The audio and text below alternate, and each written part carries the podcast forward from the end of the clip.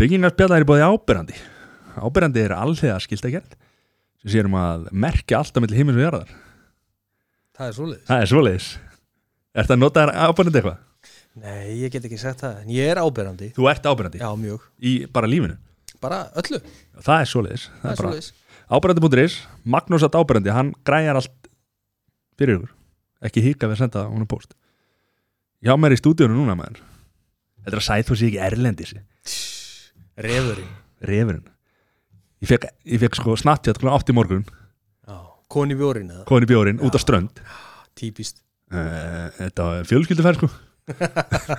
Pappi ásir, það held ég. Æ, hann er flottur. Sævar Ríkarsson, Já. Þú varst gestur hérna, gesta stjórnandi hérna. Já. Fekkur steppa jak, Fengur steppa jak. Mjög áhugavert. Virkilega. Þetta er besti performer landsins í dag held ég. Já, ég held að það sé engi spurning Og, og bara magnaðan áhengi Virkilega magnaða náungi.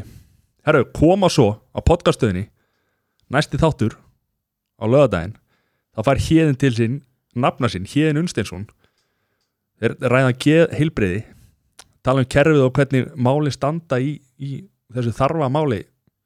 Já Geð heilbriði á, næsti þáttur, ég er ekki múin að hlusta á þáttin þannig að ég get ekki sagt meira um hann en hérna, hann kemur út næsta lögða endilega hérna, og aðri þætti sem að podcaststöðin er að gefa út, það er bara podcast.is kíkið á það, á það. Sævar, takk kjærlega fyrir að koma. Bara takk fyrir mig. Stefán Jakobsson.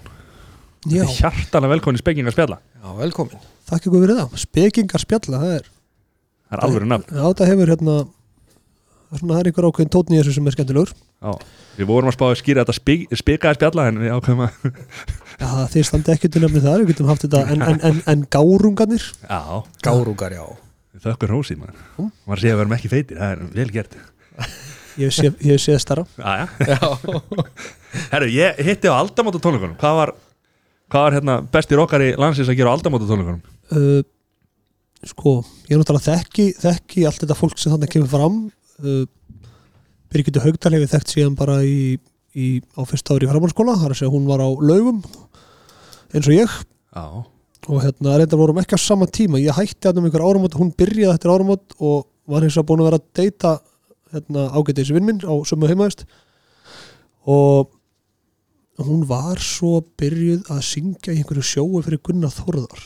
Þannig að annarkort það voru að það hausti sko. allan ég er búin að þekka hann allavega alveg síðan 98 uh, og ég var eiginlega bara að koma þetta til þess að hitta Magna, ég, semst, ég hafði persónulega ekkert að gera þetta kvöld. Og ég býjaði nágrunn og, og, og hérna, kærasta mín hún var að fara að hitta einhverja stelpur á, á þessum tónleikum, ég held ég hefði verið bókaður ég var alveg handið sem ég var að gera eitthvað þetta kvöld svo bara konið ljós, ég var ekki. Þannig að herri, ég kíki bara, ég hérna og Magni sagði bara, hú, kem bara bakvið og maður horfa okkur liðupúlleik og það heldur allir með liðupúl sem að er að syngja í þessu svo því sem ég haldið til hafa og hérna, ó, ég var og hann að hérna sátu við bara og hérna ég og Einar Ágúst og Gunni Óla og Magni og Reymur og eitthvað og, hérna, og ég líka bara pínu forvitin að vita hverslas samkvönda þetta myndi vera. Allt svo út með, með hérna ball ekki sérst að það var bara hljómsætti húsins og svona að ball þá söng hetjunar Þú veist, og, og í raun og veru okkar alvöru rockstjörnu því að veist, alvöru rockar af Íslandi hefur ekki lifað alvöru rock lífverðni en hins vegar þau hafa gert það. Já, já, eina sem vant að inni var Soldug já. Sem ég Já. þetta skildi ekki alveg út af hverju var ekki hann sko. Svo náttúrulega okkar bestu menn í Böttuköp sko. Uh, Valur. já, Úf, ok. Ég er einn um það, en ok. Mér Ég held að Böttuköp verði með næst. Þetta er aftur í oktober Já, þá var já. eins gott að beggi mín verið hann líka. Já, þannig að já, ég var svona pínum bara svona því maður, maður ímyndir sér ekki öll þessu lög nema kannski írafálögin þau eru stærri, það er meira lagt í þau sko, að ég get alveg séð þau virka á, á stóru sviðin þegar maður er einhvern veginn að hugsa um farin og eitthvað svona, þá þá er það bara einhvern veginn svona eitt af síðustu lögurum á einhverju sveittu fyllir í spalli klukkan kortir í þrjú sko. Já, og sem kom líka á daginn þau voru skýt stressuð yfir þessu. Og það var ógæslega gaman að fylgjast með þessum sal, það voru allir með á nótunum þeir voru með þetta í Já. rassasunum frá fyrstu sekundu og hérna þetta kom, þetta kom mér á óvart. Ég er bara alveg ég er bara hjartalega samanlega sko. Ég, hérna, Fyrsta lægið þarna var Gunni Óla var með eitthvað lag Ég man ekki hvað, þá var ég bara Hvað er ég komin út í maður Já. Ég man ekki hvað lag þetta var menn, menn stóðu upp bara í því lagi sko. Nei, var það ekki rólegt fyrst þarna Jó, En svo, svo, var, Já. þetta, svo var þetta bara trillt sko. það var í öðru eða þriðja já. lagi þá var bara allt orðið vittlust sko. Ég held að ég var búin að heyra að þetta átt að vera sko rólegt fyrir hlýja Já. og svo átt að vera aksjón eftir hlýja sko. já, já, en þetta var bara aksjón frá já, Birgitta kemur bara og tekur hérna allt sem ég sé og eins og það sé bara sjálfsagt að það sé eitthvað rólegt svona fyrir hlélag ah, já. Þetta var, var geggjað sko og hérna, og þetta var, mér fannst þetta það skemmtilegt ég var, var báðatónleikana á það? Já, það? Hann var reyndar aðeins meira bara drukkin á sendtónleikunum en það var sem er allt í góðu sko. já, já, Það er- gaman. Það er skemmtilegt. Hvað hérna förum aðeins í bara þig, hvaðan, hvaðan ertu og hvað, hvað er að frétta og, og þú fæðist? Ég fættist Já. 14. janúar 1980 á mánudegi klukkan uh, held ég 20 minnir í 5 á morgni. Manstu þetta allt bara eða? ég ég man ekki eftir að hafa fæðist en, en þetta veit ég. Ok, vel og gert. hérna hvernig fættist þú sér í? ekki græna. Nei, ekki á hérna sjúkarásun og húsæk og er annað barn og setna barn minna fóreldra sem að heita Jakob Stefansson og Edda Stefansdóttir þannig að það var ekkit, það þurfti ekki að rífast um hvað ég er í skýrður Nei, það er bara uh, mamma segir að uh, á sjúkarásun hafðu ljósmaðurnar og læknandi að kalla mig litla tenorin þannig að ég grét mjög hátt og skýrt. Og byrjaði þetta bara strax uh, nei ég var ég var alveg ógæslega feimið barn og ég talaði mjög lítið alveg til fimm ára aldurs. Það var ekki að því ég gati ekki talað mér bara, fannst bara ekkert gaman að tala og mér fannst fólk ekkert sérstaklega skemmtilegt. Þannig, hún var bara hann lítið lífur já, já, og hérna sem breyttist svo að mér skilst ég man þetta ekki allt saman sko, ég samt, ég er með minningar síðan ég að fjóra ára. síðan sko því það, semst, það, var, það voru eldgós heima það voru eldgós heima voru nýju gós frá 75 til 84 ég man eftir sko síðasta gósinu sko, það kom þegar ég er fjóra já á- hvað ég, og- ekki, ekki við séð það Já, nei, þið, hvað er þið gamlir? ég er 83 84 Það er ekki nema von sko Já. Nei.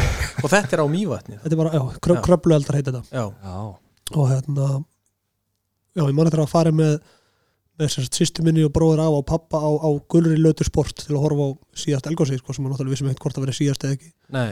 Svo var það var alltaf skjálfa ennþá alveg til 87, ég man eftir svona síðast, síðasta svona stóra skjálftanum 87 og mað, þetta var maður þótti þetta ekki til tekum mál maður bara skreiði undir borð og bara beið spenntur og þetta búið og bara aftur út að leika og bara hlutaði upp mjög já, eðlilegt já, já, já, að til sko í öllum húsum nánast, þú getur farið inn í nánast hvaða hús sem er uh, það er að segja hjá fólki sem er búið þarna síðan þá og í fyrsta skápnum einhver staðar í forstofunni er appisningult merki með leiðbenningum hvernig á að ganga frá húsinum til þess að yfirgefa, stendur á þessu hús yfirgefið, svo eru leiðbenningar um það. Og svo voru ítalegri leiðbenningar um sérst, þú ættir að vera með stilt á ríkistöð, helst allan sólaringin það er að vera með tösku tilbúna með dótið til þess að fara eins og óléttar konur eru með. Já, og bílinn þurfti að vera tankaður hann þurfti að vera bakkaður í stæði og svo var ákveðið leið til þess að keira í burtu semst, í, í suður. Já, það er bara viðbrast er magna og hérna veist, öllu hálendinu var lokað þegar hólurhraun gaus. Það er samt 200 kilometrar í það í næstu byggð sko. það erum við bara að tala um sko, 14 kilometra bara, ég sá eldgósi bara út um gluggan þarna beig maður bara spendur fylgjast með. Já, já. og hérna, ég man Hva- sko um hausti hérna, það var bara, bara bjart úti alltaf. Það var í, það var í september minnum við það var bara alltaf bjart, það var bara svona appisnugult bjart úti, maður sá ekki elgósi sjálft en allir bjarmin, hann er bara í, þetta er innan við 10 km í burtu sko í beinni sjónlínu þetta er alveg magna já, þetta er svolítið magna þetta kemur óvart, ég vissi þetta ekki. ekki, fórst ekki með marshmallow svona bara upp yfir og grillað og, nei það er kannski Ah, það fingust ekki köfilegin sko. og hérna, þannig að þessna mann ég sko já, mann ég eftir þessu ári 84 og hérna svona fyrstu svona skýru minningar eru síðan ég fyrir og við fluttum líka í húsi okkar. Þá við bjóði svona raðhúsi sem að tilheri vesmiði sem að hétt Kísilegan sem pappi vann í.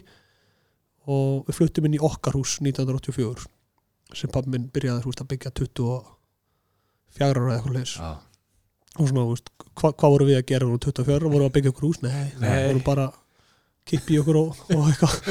Svona spekulega hvernig næsta ball veri já, og hanga heima hjá mömmu og pappa Já.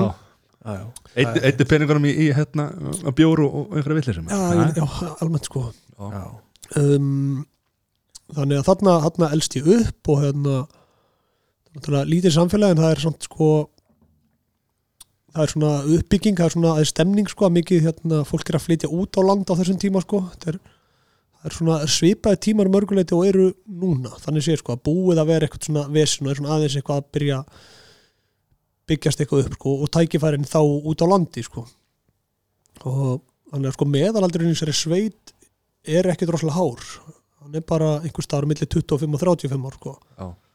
og og hérna allt drífandi fólk sem að vil gera eitthvað hluti. Já, það var rosa margt að gerast það var mjög skemmtilegt að alveg stupma helt náttúrulega að þessi hlutir verður bara eðlilegir.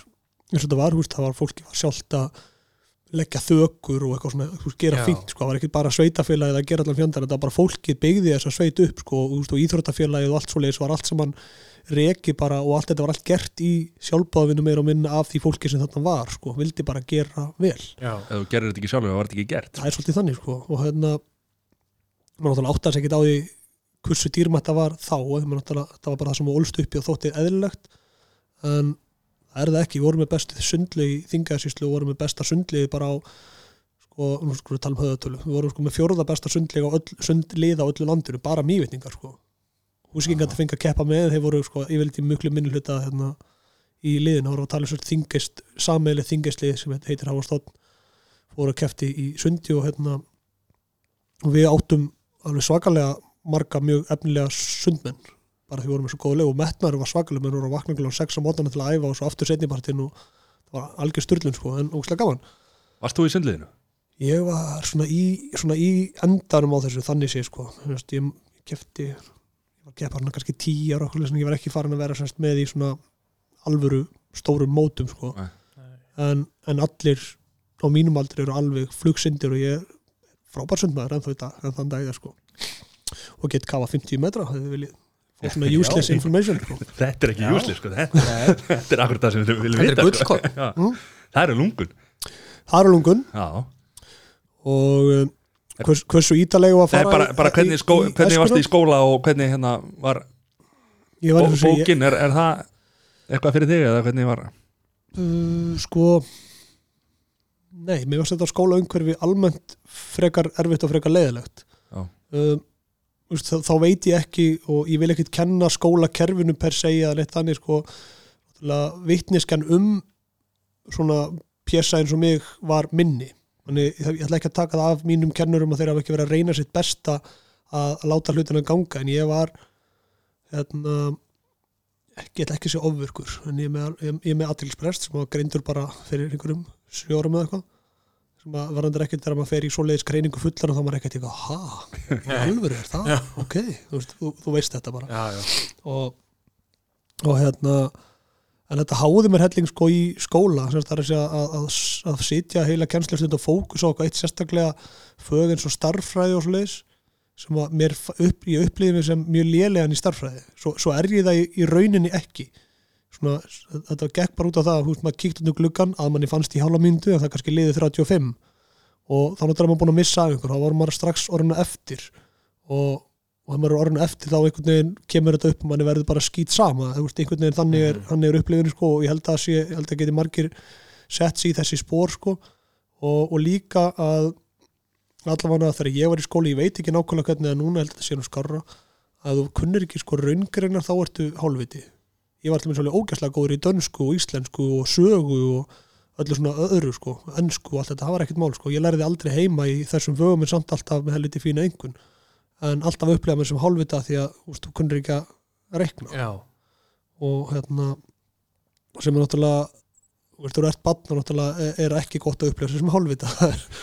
Það er, gríðalur en, hva- Varstu þá, breytir þá í hérna, þú að ég las einhverja greina var, kallar þið bekkjafíblið Já, svo var svona setna mér þegar maður fann aðeins að vera kannski meira gokki, sko, þá fann maður bara búið til úr, grín úr öllu, þú veist, já, bara um, hvað þú veist, bara ég, ég fljótur að finna ef, að, ef að einhver, einhver kennari til mig setur einhver reglu, hún er einhverju liti brotnar, þá er ég fyrsti maður að hjóli það, sko. Já, þannig ég var ekkert alltaf svona rosalega vinsæll og, og, og skapaði mér náttúrulega vandrei kom mér í klípu að því ég vissi að ég gat einhvern veginn rugga bátnum sko. ég var rosalega góður í þessu að hérna að hérna að rugga bátnum. Og svo er annað sem að líka hefur oft á mér það er að, það er um, var með einhvers konar réttlætiskend og og ég svaraði oft fyrir sko í mandlum eftir að var hann einn strákur sem var ári eldri en ég og það var, það var eitthvað bras á þeirra heimili hvort að fóröldrar voru að skilja eitthvað hann kom eitthvað tættur í skólan og var seint og eitthvað skólasturinn þá var eitthvað að kenna okkur og hann segir, segir eitthvað svona grín svona eins og sé að gera grín að hann hafi sofið yfir liðis og ég stend upp og, og svara þá bara fyrir hann það sé ekkit fyndi að því að veist, þarna, það er enginn að gera grín hann svo fullöndi maður hann að gera það eitthvað svoleiðis. hann er hjóla í það sko. Og skólasturinn svona segir ekki neitt þá nema svo bara setna í sama tíma en eitthvað hjálpa mér og ég eitthvað, eitthvað veist, hvað ég sá hann há bara lendu við bara í slagsbólum Þú var skólasturinn ég á skólisturinn, ég er líklega 14 ára. Og hérna og hérna, það gerðist alveg oftar en einu sinni ég á skólisturinn slóðust sko. Út af einhverju, einhverju svipu þar sem, að, þar sem bara mér var óbóðið eitthvað og ég hjólaði full force og maður bjóst alltaf við að allir hinnir í bekknum kemur með því ég vissi allir hinn verið sammála en það var Já. ekki sko, Það er enginn að bakka upp hana ekki neitt. Og hérna og hann ég hef oft svona tekið sko skellin einhvern veginn fyrir að mér líði þannig svo þú getur aðrir, aðrir tólka þetta sín mig frá en ég hef upplifað oft þannig að ég var að taka taka á baukinn sko fyrir aðra að taka slægin já, Já. Meina, og, eins og í þessu tilfelli þá reyndar er ég absolutt 100% á því að ég var að gera rétt í hann hann gæti ekkit varið sig þessi strákur sko, sem, Nei, sem að var að fá á baukinn sko. en svo því sem líka haldið til haga þá er tíður skólastjóri uh, einn af mínum mínum fyrirmyndum í lífinu sko.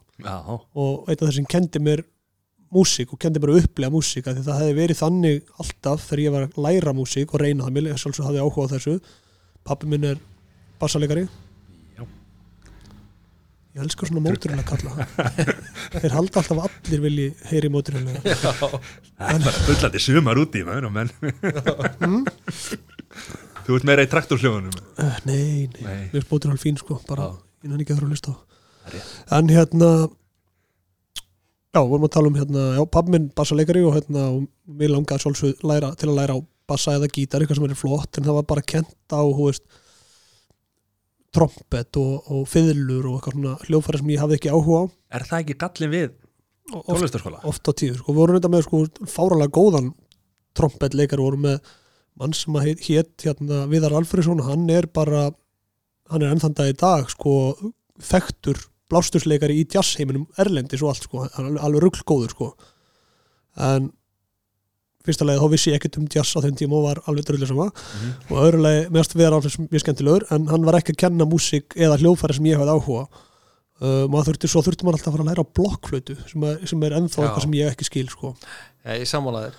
Og ég held að séu flestir sammála því sko því að, því að þú veist að spilar enginn á blokkflötu og af hverju völdu þér blokkflöta völl ég veit það ekki, ég Á, ekki á þetta vera eitthvað gott til þess að ná tón eiranu eða bara, ég veit náttúrulega ekki, ég veit ekki til tónlist bara Ég- bara verður að vera hinskil ég svo sem veit ekki heldur sko. ég hérna, veit ekkit af hverju blokkflöta er talin af einhverjum betri eða verri til þess að skilja eittni neitt sko. Uh, Ég held að sé rosa margir sem að hætta í tónlistarskóla eða tónlistanámi og svona bara út af þessu. Já, kannski vilja mann það bara. Já, já það, það sé bara nóga tónlistamannum en, en kom áhugin bara upp strax þá? Þar sko, músík hefur alltaf verið í, í kringum sko, uh, langafi minn var organisti heima. Um, og bróðir pappa minns uh, hétt Jón Stefansson og hann var or- organisti í Langholtskirkju í 50 ár. Já, uh, lest fyrir þá núna þreymur árum. Já. og og sérst og hefði þá verið 70 en sjá að hann búin að vera starfandi í Langholtskirkju í 50 ár, þá var hann 20 þegar hann byrja sko. Og hérna undrabann og, og náttúrulega búin að kenna sko, ég veit ekki hvað það komið 3500 manns allavega hann sko. Þannig að, þú veist, massina fólki sem hann er búin að hann er búin að hérna leiðbenna og, og, og, og allt það er, er, er gigantískur sko.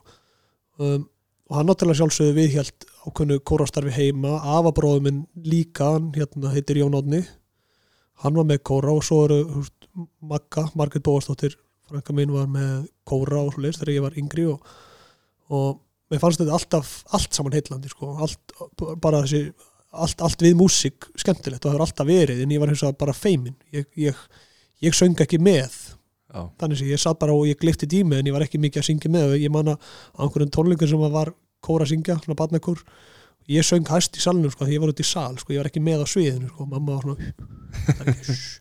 og eitthvað hérna og, allavega svo hérna, þú veist, lærið ég ekki á neitt ljófæri ég man ég byrjaði að læra á gítar, ég hætti tvís og skrópaði mig út úr þessu öllu af því að það var heldur ekki verið að kenna það sem ég langaði, ég fór að læra eitthvað, eitthvað afríslag og eitthvað svona ekkert og mér langaði bara til að læra eitthvað lag með Sólur Jónsmín sko, og eitthvað svona og, það virtist vera mjög lítill skilningur á þessu, þannig ég, já, bara sá ekki alveg hva, hvaða leið átt að fara og skildi þetta ekki og fannst þetta alltaf leiðilegt.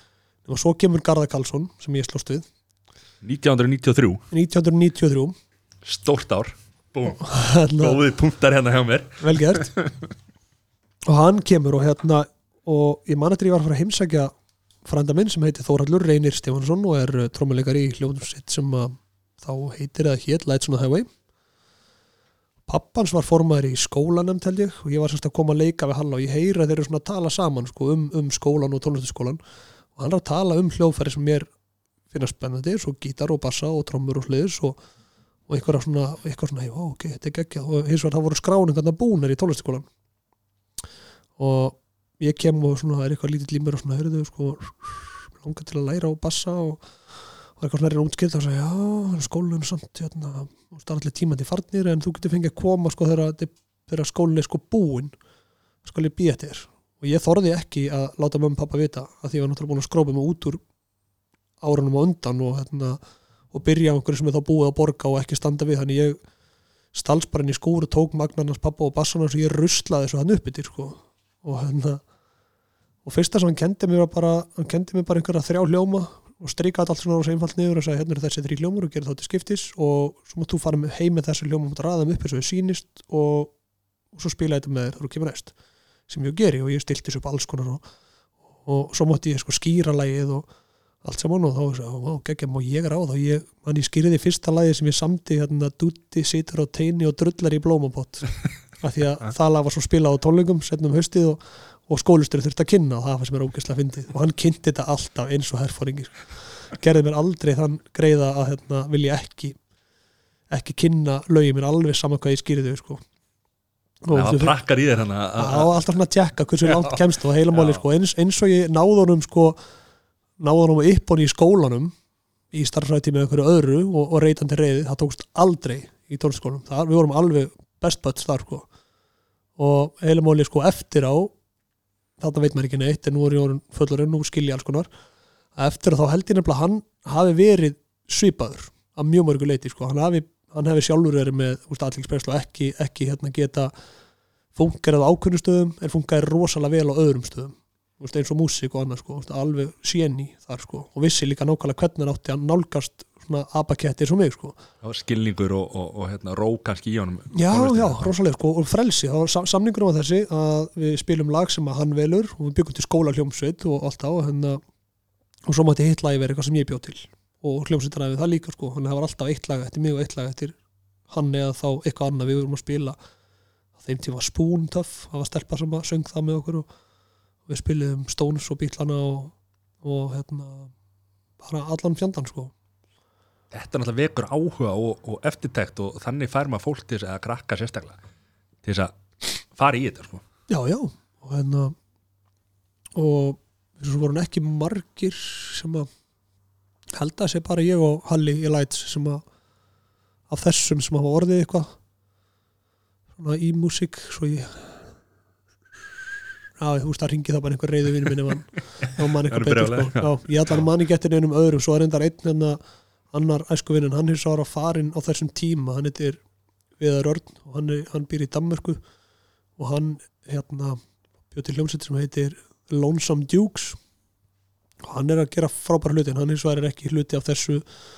Hann læriði held ég bara básunu var svo bassaleikar og svo spilar hann bara á gítar og er bara allíða góður tónlistamöður og ég reyni ofta að segja hann hvað mér finnst hann magnar og hann heldur alltaf að sé að ljúa en hann er alveg geggjaður sko. Ég mæli, mæli með að fólk finni þetta á hérna, ég held að það sé bara YouTube Lonesome Dukes. Átni Matt gaf hann um tíu Já, þetta er komið til skila hérna komið til skila ah. En, en söngurinn, hann er ekkert kominn þarna eða hvað? Nei. Kemur hann þarna inn eða? Nei, og, og alls ekki sko, ég, veist, ég söng alveg svona um, veist, ég gætt sungi heima og ég gætt sungi á skólaböllum og svo leiðis, reytis gert það með sín og á tóknum Já, og að einhverju ástæð ég, og sem ég mér er ekki, ekki kunn þá þurftir að velja þarna, ég allavega í mínum skóla hvort þú hlustaðar á Pearl Jam eða reytis gert það með sín. Og ég hef aldrei reytis gert það með sín. Og sé, sem sé ekki þetta því sko. Hins að við sem er pöldjum geggja band sko. En máttur ekki hlusta bæði það? Nei, Það var bara það, var einhvern veginn sko, annarkvort heldur bara með Leopold United, þú getur ekki haldið með báðum sko. Nei. og hérna og svo var sko þar á undan var sko Maiden og Metallica og þá valdi ég Metallica. Uh, Queen máttu allir hlusta á einhvern veginn og, og svona talið Nirvana. Um, eitthvað meira veist, svo allt þetta íslenska sveitaballa þá síðan náttúrulega síðanskinn sól Já. og hérna Tóttmobil, Tóttmobil er fyrstu tónleikar sem ég fer á, líklega 90 á laugum. Og hérna brúköpslægið og alls konar þannig á þeim tónleikum. Um, og hérna svo Sálin og við vorum, við vorum tveir í tómabil sko. ég og Halli Lætt sem við hlustum tveir á tómabil í öllum skólanum sko. það var svona meira og sem það er ennþá náttúrulega þetta er miklu miklu stærri músík heldur en allt hitt sko, og- er náttúrulega ekki ballmúsík og hérna stelpunnar hlustu svo stjórnuna og, Já. og Freyri Gámar hann var með þér í hana Nei. Nei, ok koma honum setna sko. Hann, hann, hann, hann, hann á sinn stað í, í mínu ferli. Já, ég ætla að vera að spyrja á hann um hérna, fyrirmyndir en þú ert bara búin að koma með þær hérna bara á fyrirmyndir brúðkaup, eru, eru alls konar, hann náttúrulega sjálfsögðu fóreldrar mínir og sýsti mín. Sýsti mín kennir mér að hlusta á, á veist, Alice Cooper og, og Metallica og alls konar, hún er þrem árum eldri. Já. og hérna og þú veist á þessum tíma náttúrulega líka svo, eins og allir vita sem eru á mínum aldrei þannig kannski ekki náði í músík hvert sem er. Þú veist, þú þurfti bara að hlusta á útarpið og það kom þá bara inn eitthvað, ég mandlið mér svo að maður hlustaði heilt kvölda því ég var að býða til að smúð kriminal með Michael Jackson kæmi sko, og bara býða tilbúin til að Já. geta tekið upp og svo náttúrulega kall uglan byrja að tala og maður hann, þegju, þegju, þegju, þegju. Og það bara, ú, gæja. Og hérna þannig að átti svona búta af lögum sko um, og hérna þannig að sko fyrirmyndan mín í músík er ekkert endilega alltaf heldur sko uh, veist, e- e- einhverja stjörnur eitthvað svona, heldur bara hvað kveikti á hverju svo viðar sem var að tala um áðan veist, það var hans sem kveikti á því að gætt hlusta á hljómsveit svo Primus sem er mínum að þetta er besta hljómsveit í heiminum sko. Og hérna og mjög fáir sem deila deila því með mér sko. Um, og, og náttúrulega pappi sko bara því hann spilaði mér það náttúrulega cool að þeir gætu spila og var svona fyrstu skipti sem að fekk að fykta í hljóðform hann var í, í hljómsveit sem pappi var í sem er kölluð svona bara vogabandið. Ég kem sérst úr sveit sem heitir Vogar og þar voru þið bara með hljómsveit og það hefur alltaf verið á öllum ættamótum við þurfum ekkert að kaupa okkur inn atrið við erum bara með fólk í bara öllum sko. vóðabandi Það er geggjað. Syngur með því núna, vóðabandir, er það ennþá starfandi? Já, þá er bara, vogabandi er náttúrulega þá pappi og, og, og Datti frendi og einhver svona kallar sko Já. og þeir kom alltaf á ættamótum að spila eitthvað svo var náttúrulega vogabandi og tegðara hugtak aldrei hann var þá, sko, nú bara er það bara hverju mæta. Já, svolítið sko, Já. bara, og veist, og menn bara taka við okkur um örum og þetta er rosa skemmtilegt. Nema náttúrulega svo eðla einhvers staðar svona fljótlegt til miðnætti fer nú svona standardin á þessu að hrinja út af dollu sem að tengist því sem við drekkum. Já, og hérna en, en, en heilumáli við erum bara jafnvíg á öllu, við erum með þú veist, við getum sungið í röddum. Ég held til þess að allir syngi í röddum sko. en það, það er bara ekki svo leiðis þegar við hittust þá syngjum við syngjum við lag sem heitir Vel er mætt fallit lag, Vel er mætt til vinna að funda vel sé þeim er sjá og skilja hvað var eining mikil smá grótart sko bara, veist, hópurinn, hópurinn getur gert allan fjandan sko. Og þetta er sungið í fjóru röddum og svo erum við alls konar fleiri og, og náttúrulega blessu sérstu sveiti mín sem er lægið er ekki sami í sveitin en textin er um mjög sveit og hérna sem er þá okkar þjóðsöngur. Og svo getur við spilað, þú veist, alls konar sveitaballa, pop og svo alls konar rock. Og hérna, það er fullt af fólki, við erum með Gunni Ben, frændi minn sem er uh, í hljómsveitum heitir Skálmöld, Mhm. hann er hérna bróður hans, bróð, hérna afi hans er bróður afi míns, Já. þannig að hann er á sömu ættamótum, þú veist, þannig að þetta er alveg, alveg haugur af liði sem er músíkólsk Já, mjög og Já. hérna, og ég held aftur svo ég, ég, ég held einhvern veginn að þetta væri bara í öllum fjölskyldi væri fullt af svona fólki sko. en það er mjög sjálfgeft að séu svona margir sko. og, hérna, og þetta er ógæslega gaman sko, og, og gríðarlega dýrmætt en um, nú er ég svona eins og venlega ég er bara svona sulla bara einhvert Já, sko. já, já, já, já, Ég ætla bara að tengja að einhver syngur í ættumundinu á mér þá er allir farnir bara heim sko. Það kann enginn að syngja það sko.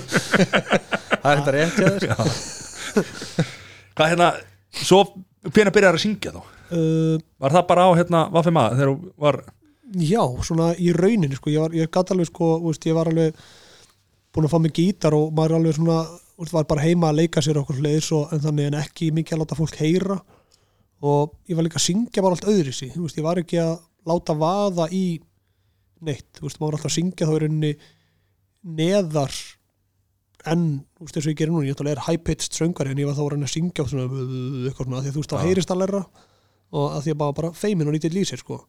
Svo hérna, Ég tek alltaf í sturtunni sko, þá læt ég alltaf vaða bara. Já, já, það gera það margir, sko. Það best í heimi að syngja styrtu, góður hljómur og rífur og alls konar og, og hérna, og röddin silki mjúki í guðvinni og þetta er bara allt eðislegt og hérna, og engin mæk, það hjálpar. Já, já. Og, að horfa sérstaklega í mínu. Og ma ef maður hækka bara nú mikið í draslinn þá, þá heldur maður að maður sé bara Dave Grohl sko eða einhver. Og hérna hann er hérna, þú veist, hann er úst, söngoft aðalega bara með sko, ég var ekki að syngja fyrir frá fólk. Og úst, í þeim hljómsveitir sem ég var, ég var alltaf að reyna að vera bassalegari það var mitt mitt plan, það var að vera bassalegari og, og hérna, það vantaði aldrei það vantaði aldrei bassalegara eiginlega neins þar ég fór í laugar og þar var eitthvað hljómsveit og það er svo vantaði trommulegar þannig að ég pröfa það bara, þannig ég spilaði bara trommur í heilt árs og spilaði á mínu fyrsta balli 16 ára á, á reyðafrið hýtaði upp fyrir hljómsveitina Síva sem að hérna ég veit ekki hvort ég muni eftir hérna Haldáni sem var með djúbulegina hann, hann söngi þeirri hljómsveit og, hérna, og Einar Ágúst var þá ekki komin í skímó og spilaði á, eða þú veist, það var held ég að byrja í skímó á þessu tíma og hann spilaði bara svona bongotrómur og eitthvað. Já, í þeirri hljómsveit? Já. Já, ok. Og ég man ég var að reyna að gefa hann mér glas og hann sagðist þér á bíl sem að sem ég rættur svona um daginn að það hefur aldrei ekki stattir Ekki eftir það. Veitu, fórst, fórst þú ekki í djúbulöðina? Við- Jú, við erum ekki að ræða það hérna. er það annar podcast? Það er hann að podcast Takk fyrir þetta. Og hérna, já, ég held að þurfum að að krifja það á hérna, þannig að uh, ég er svona einhvern veginn að reyna að koma að því á hve- hvernig ég byrjaði svo að syngja og svona, uh, það var Var eitthvað atviki sem að, þú veist, allt í einu bara það er einhvern veginn svona nokkur svona sem að veist, styrkja eða svona þannig sko að hvað að segja, þú veist, það ég er svona vanið mig á, á það að, að þú spyrir vini inn álit þá tekur maður með ákveðin fyrirvara því að vini inn í ljúa Ok, þannig ef, seg, ef þeir segja að þetta er geggjahöfur þá er hann bara að reyna að láta þér líða vel sko. Þannig ég treysti því ekkert alveg. Ég man alveg eftir sko, að fyrsta skipti sem ég fekk svona, svona viðbröð sem ég bjóst ekki við þá var ég að koma á Ítalaballi og förum heim í, það var mjög partí heim í bílskur og svo voru bara þrjú eftir ég og þá var þetta kærasta mín og, og vin, vinkon okkar. Og ég var að spila á kassagítarinn minn, ég var að spila Karma Police svo kemur hann í lokin hérna, For a minute there I lost myself I lost myself og ég held þessar nótu lengur og var að gera eitthvað meira við þetta heldur en þetta er í læginu í alvörinni ég man alveg þegar vinkon okkar sem lítur á mig og hún er með svona eitthvað svip og ég svona, ok, þetta er, þetta er svipu sem er eitthvað ekta, er, ég kvikt á ykkur, ég sá það um leiða bara, ok, það ljómaði eitthvað hann sko. og, og þá var ég einhvern veginn svona farin að kveika perunni að ég ætti sennilega ekki að vera að syngja í þessu reykjastýri sem ég var búin að vera að reyna að venja mig á sko, einhvern veginn niðri og þetta var allt svona punkteraður, það var ekki kraftur í neinu sko. svo man, svo man ég ekkert hversu löngu setna, þá var ég að, að tromma með, hérna, við byggum til punkljósett, ég og Einar Máni vinnu minn og og strákur sem heitir Tryggvi bara þrýr og Téður Tryggvi hann hérna allar að spila bassa og syngja og ætlum bara að spila á einum tónleikum á Akureyri sem heitir Svambergspöng og hérna svo bara daginn á hann tónleikundur þá veikist Tryggvi og fær vírus í, í hérna innreira sem að hefur þá fokkaraböllu sem að tengi sko jafnvægi og svoleiðis. Og einar ringir og segir, við erum bara að slúta þessu. Að búið, hún búin að sömdum lög og allt sko, hún er ekki með flókinu en, samt alveg, hún var húkur í þeim. Og ég sagði, heyrðu, hérna, ég þekki strák sem getur spilað á bassa og ég skal bara syngja þetta. Og sem úr var það, ég spila á trommur og söng og við skýrðum þá bandi vírus í innræðra en ekki hvað? En lágaleg byttið sem var þá held ég alveg örglega í fyrsta skipti þar sem ég þá var að syngja ópenbarlega á þessu punktóti. Og þá kom til mín hérna náðum getur tónlingan sem er, er legend á akkur heitir Helgi Magri áhugaverið náðungi og hann sagði, ég held þú ættir að sleppa þessum trómum sko, ég held þú ættir að pröfa fókus á hitt sko. og þá fór maður svona búist íhuga það betur, ég þá skráði ég mig í ég var þá í hljómsveit sem að hétt örgulega Lame Excuse þar sem ég spila á trómur og hérna Þetta eru geggjun upp maður. Geggjun upp, Lame Excuse mætti Já. gegja sem, sem að kom út af því að við vorum alltaf seinir og alltaf sem við gera og alltaf með einhverja bjánalega afsökun sko, þú veist, að bilaði bílinn eða þú veist, eitthvað svona hann er að við ákvæm að skýra bandið þú veist, það var svona þetta á þema. Uh, nema þá skráði ég mig í, í söngjarni verkmyndaskólan svo Akureyri það áður sem er held ég bara 2001 Þrjú. Þrjú, nei, Nei, Já, fyrst. Já, fyrst Já. sko. Ég var, ég var náttúrulega lónið sófasett í þessu verkmyndaskóla það er mér alveg annað. Að hérna, ég var allt og lengi að inni og lærði ekki neitt. Nema uh, ég lærði semst að uh, vera í svona félastarfi innan framhalskóla, ég lærði voða lítið af fögum. Nema hvað ég söng hérna lag með hljómsveit sem heitir Fuel og heitir In My Hands, eða Hemorrhoids In My Hands. Þetta er hérna uh, uh, uh, hvernig var þetta In my hands, in my hands again Leave love bleeding Hvað lesa á það hérna. Söng þetta lag og náði þriðja seti sem bara sætinu eftir stráknum sem var actually að syngja í hljómsdýri sem ég var í á þeim tíma sko. Þá voru hérna var svona að fara þess að kvikna okkur fyrst að ég náði þá og það voru margir keppendur sko. þannig að það var ekkit tilvílun þú lendir ekkit í þriðja seti fyrir tilvílun sko, að ok, ekki og hérna og fór svona þess að fókus þetta. Og svo aðeins ámötnaðist ég þannig að 2002 þá sett ég inn lag með íslensku hljómsveit eh, hljómsveit frá Ísaferi sem að hétt Urmull. Og það lag hétt Alone. Og skemmtilegt með hljómsveitinu Urmull að í þeirri hljómsveit var söngarinn Hjalti sem var svo setna söngarinn í Dimmu sem Já. var svo hætti og ég byrjaði Dimmu þannig að við erum búin að tengja það. Og hérna hann ég söng þetta lag og það hendaði mér bara ekki. Og hérna, og fyrsta lagi ekki þekkt lag. Lagaval skiptir máli svona keppni það þarf að vera eitthvað sem að, þetta má ekki vera ofkorni þetta má samt heldur ekki vera of langt frá, nema náttúrulega bara að gera eitthvað mistarasnild sem enginn veit hvað er að þá einhvern veginn virkar ekki að gera bara eitthvað þannig að allavega þetta lag var bara óneðarlega og það var svona bínu punktur og ég var held ég bara ekki í sæti sko. og þá var ég eitthvað býta var ég eitthvað misregnandi á eitthvað leis og svo var ég nú búin að hafa dálæti að þessari hljómsveit Scorpions í mörg ár í gegnum systemina, systeminn kynni mig fyrir Scorpions og besta ballaði í heimi Mhm. Og sem að ég hérna við erum með þetta bara úr, já bara úr orginalnu þarna, hárið á mér er svona eins og hérna og hérna Kekja, þannig að hérna, já kannski að taka þetta lag. Ég man ég var að eitthvað þetta heima í skúr og pappi var eitthvað í skúr með mamma og þau var eitthvað svona "Sss, ertu nú viss um þetta, þetta var ekki, þetta var ekki gott sko. Og þá var þetta svona í fyrst skipti þar sem ég tók þetta svona eins og, eins og íþrótt sko og ég kunni, ég kunni það sko, ég var í úlinga úrvali í frjálsum þannig að ég kunni æfingar eitthvað sem ég kunni sko og endur taka sama helviti strasslið aftur og aftur til þess að negli eitthvað sko. Og, og ég kunni ekki veist, ég kunni ekkert að syngja en ég gæti tilengar ákvæmum hluti og hérna og hérna ég veit ekkert ekkert að neitt sem ég, gerð, sem ég var að gera á þessum tíma veit ég hvort það sé rétt eða rámt þú veist, þetta er allt svona gott feeling bara að þú gerir meira svona þá eitthvað svona, veist, alls konar svona æfingar sem maður er að gera til þess að anda og hvernig var bara allt saman eitthvað gott feeling, ekki fórst á YouTube sko. Og og hérna Þetta er svo áreinslegur löst sko. Já, og, það, og það, heila máli sko þarf að vera þetta, þarf að vera hátt upp en samt má ekki vera ómikið sko effort, það má ekki vera tæft sko, þetta þarf að heyrast eins og þetta, og þetta sé tæft en þetta þarf samt að vera safe, þetta er flókið að lýsa Já. og ég allan að þetta lag helling og svo var ég búin að stilla upp nokkru lögum og spilaði sérst, fekk svo einar vinn minn sem að hérna, þá voru búin að stopna hljónsinn sem að heitir hérna, Douglas Wilson mm -hmm. og fekk hann til þess að vera með og ég á búin að fá sko alla meðlemi heldur Douglas Wilson til að spila með mér í einhverjum af þessum söngikeppnum og þessum aðvindinu sko og allir búin að tapa með mér og gegja og hérna og hérna og hérna við sérst já tökum nokkur lög Still Jú, tökum Purple Rain sem er þetta með, með ekki drefni, ég hata þetta lag sko, mest svo leðilegt Já, uh, og það var eitthvað meira allt svona samt sem er einhverja ballur ég hugsaði sko líkildina því það var líka eitthvað sem er leið vel með að, að ballur var eitthvað sem væri málið í svona keppni sko. og hérna og svo bara kostning svona ekkert flóki, veist, það vorum sexanninni eða eitthvað í stofinu heima eitthvað sem að held ég fengi að hlusta á þetta og, og, og, og, og það voru allir á því að ég ætti að taka stilöfingjum og þá ég allan að komið það og reynda að það væri lægi og svo æfði ég það bara nánast daglega, ég æfði eins og móðufokkir sko og ég held að líkildin hafi verið meðal annars sá að því ég var ennþá frekar lítil í mér að ég æfði þetta fyrir framann speil og ég horfði rosa stíft í auguna sjálfum mér og hugsaði, ef þú getur ekki, ef þessi kall kaupir þetta ekki, þá kaupir þetta enginn. Þannig að þegar ég var hún ánægð með að horfa á sjálfum mig gera þetta, þá veist, hérna þá, þá allan álíti sem svo að, að hérna þetta hlíti að, ef, ef ég geti selt mér þá geti selt öðru, það var eiginlega það sem ég var að hugsa sko.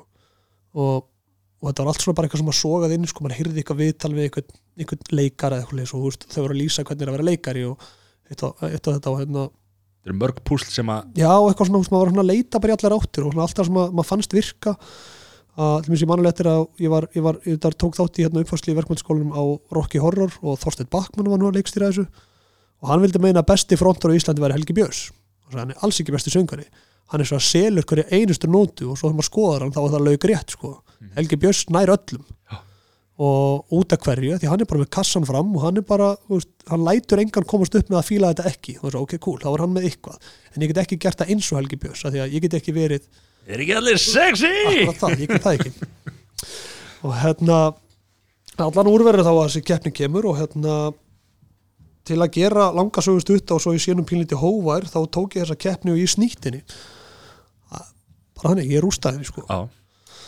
Og, og með þetta hár og með þetta geggjað hár sem er eins og einhver, einhver hjálmur sem er á yngo við ykkur þannig hérna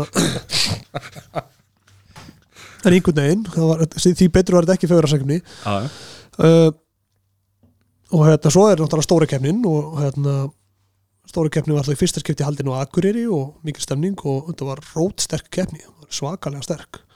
Og mér leiði samt ekkert endilega eitthvað eins og sko, þú veist, ég vissi alveg ég myndi, mér myndi mér leiði allan tíman vel með þetta upp og það að gera. Ég vissi að ég myndi standa mig vel og það er heila máli ef þú ert að keppi í einhver eins og söng, þá þá gerur þitt besta og vonar að dómnendin fíla sem þú gerðir, því dómnendin getur verið okkur alltaf enn í línu uh, eins og það er í frjálsum, þá er þetta ekki sérstaklega flókið. Ég var bara að keppi 800 og 400 og 500 og maður er ekki fyrstur í línu, hann vinnur. Já. mjög einfalt, það er er ekkit álitamál það er ekkit, já, mér fannst nú maður í þriðjasæti verið í flottari skóm, en þú veist, það er ekkit það er ekkit svo ekki og eins klín og hægt, hægt er að hafa og það er ekki þannig í, í, í söng. Og hversu líka náttúrulega bara deilu það hversu gáleitt er að keppa í list. Og hérna að þetta er alltaf álitamál. Þetta er ekki, þetta er ekki, þetta er ekki stigagjöf eða veist, það rótast engin eða veist, það- þetta er, er í rauninni mjög stúpid íþrótt samt, það er- samt er rosa mikið ég verið að keppi í þessu alltaf. Já já, stanslust sko. Og hérna og, og hérna þannig allavega og hérna og ég stendi vel, ég vissi það. Og fæ svo engin velun og bara ekki neitt og bara á ekkert upp á pallbari hjá þessari domnund sem að ég fekk svo staðfest setna meir hjá Óla Palla sem var gaman, Óli Palli Birgitta Haugdal og Gestur Einar var í domnund Já. og það semst var heila klappið að fyrst þetta var í fyrsta skipt sem þetta var haldið á Akureyri það fannst mér rosalega klient að það væri bæði Akureyratriðin á palli. Þá var þetta einhvern veginn svo sko þá myndi domnundi lítið út illa. En þú veist, það myndi náttúrulega enginn segja neitt við því ef það væri MR og Kvennó eða eitthvað skilju, það væri öllum skýt saman það sko. En, en einhvern veginn þetta væri einhvern veginn aðstæðan þannig að úrverður að- að að mentaskólan akkur er vinnur, ég man ekki hvort það var laugavatn og, laugavatn og eitthvað. Sem var næstu setjum á eftir og heila máli allt frábær atriði. En það var allt vittlust og ég veit ekki hversu mörg síntil ég fekk frá einhverjum einhverjum ruglutöldur sem voru alveg brjálaði fyrir mína hönd og það var þegar upp á staði, það var einlega besta í heimi að vinna þessa keppni ekki. Þó svo að veri flugmið hjá Æslandir og, og, og ljósatímar í velunni eða eitthvað, alls konar stöð á hérna, þú þurftir ekki að ljósa tíma alltaf annars sko. eini ekki neitt sko, já, solbrútt og sæti sko en, Já, það er samt alveg skita að, að hérna, þetta skulle vera svona sko. Já, en, veist, en, en þetta er ekkit öðru sér heldur en bara, þú veist, Júrafi sem var í árið eitthvað fleis að, þú veist, að kemur ljósa domnundin er ekki í, í takt við almenningin og, og að því að af, af hverju veit tónlistafólk betur um tónlist heldur en fólk sem hlustar á tónlist ég persónulega væri stundum alveg til að geta hlustað á tónlist án þess að vita neitt um tónlist því ég er alltaf að hlusta á einhverja hluti sem að kannski koma málun ekkert við, þú veist, ég er að hlusta á það hvernig einhver beitir sér eða hvernig eitthvað annað er. Í staði fyrir að geta bara, veit ekki neitt og ég get bara fíla leið, það er bara geggjað lag. Þannig að fílar eða ekki. Já. það er bara, og svo veist, stundum var maður til að vera með þau eiru sko, eða þá nálgun, sko, er, það er eitthvað sem bara svolítið fer þegar maður er farin að vinna við þetta. En allavega, ég tapaði ekki neinu á því að hérna, vinna ekki þessa kefni og sé ekki þetta því og hluta til er ég fegin að hafa ekki lent í uh, ég held ég sé ekki á neinum hálum ís eins og bara ágætis félagi minn Sverri Bergmann sem hann keppna árunum undan. Allt sem hann gerði eftir þessa keppni hjá sér, hann tók hérna hann var með Bon Jovi lag. Mhm. að það var allt sem að litað af því. Þú veist, hann gáði út frábæra plötu með hljómsveit sem heit, Days eitthvað, hérna, eitthvað slíper eitthvað. Er Já, það er ekki rétt? út fína plötu með þeim, heldur tvær. En hún fjalli einhvern veginn milli skips og bryggju að því að veist, þetta var alltaf einhvern veginn dæmt út frá því að hann var þessi gaur sem að náði miklum vinsöldum FM með söngjumesslæginu já, og það sem er steyla best að við hafa ekki unnið að þessi draugur eldi mig ekki sem sigurveri heldur sko í rauninni að, að því ég tapaði, það er mín kenning allan að því ég tapaði í keppni og ég tapaði nút af því að, að, að, að þá var eitthvað yfirvald eins og dómari sem að lét mig tapinni ég tapaði henni náttúrulega ekki alveg en ég vann þessa keppni hjá fólkinu en ég tapaði henni á dómarunum. Mhm. og það er miklu betra að vinna hjá fólkinu en dómarunum og hérna og þá er ég ennþá einhvern veginn sko með hreinan skjöldkafar, ég er ekki með einhvern draug. Og, og þessi draugur er þá þetta lag sem er æðislega flottu draugur. Ég er mjög ánægður að þetta sem minn draugur. Og, og hérna og svo þetta ár er til dæmis fyrsta skipti sem að það sem að kalla Idol stjörnuleit byrjar, hausti 2003 byrjar það. Já, og það var hringt. Allar þú gera með og ég, svona, nei, ég langar ekki að vera með ég hef búin að fá veður af þessu mér fannst þetta eitthvað svona mér fannst þetta allt saman eitthvað, eitthvað, eitthvað það var eitthvað vondlíkt af þessu. Og, og það er svolítið þannig ef að eitthvað er of gott til að vera satt að þá líklega er, er það ekki satt. Mhm. ef einhver allar að selja er óksla flottan bíl á 100 áskall á, þú veist, þá er hann örgulega bílaður. Og hérna það er kannski flottur og það er alls konar svona sem að þú veist, þú veist, ég fjall ekki þá að kaupum fullt af hlutum fyrir hrun og í, í, í góðarannu svo kallaða að því að maður var að spyrja einhverja svona vini sína sem voru veist, svona pínu aular. Bara byrja áhverja þú tvo krossara og pallbíl? Þetta er alltaf á lánum, þetta er bara eitthvað svona, og svona já, byrja þar sem ég borga lánum og svona, þetta, bara, þetta stemmir ekki.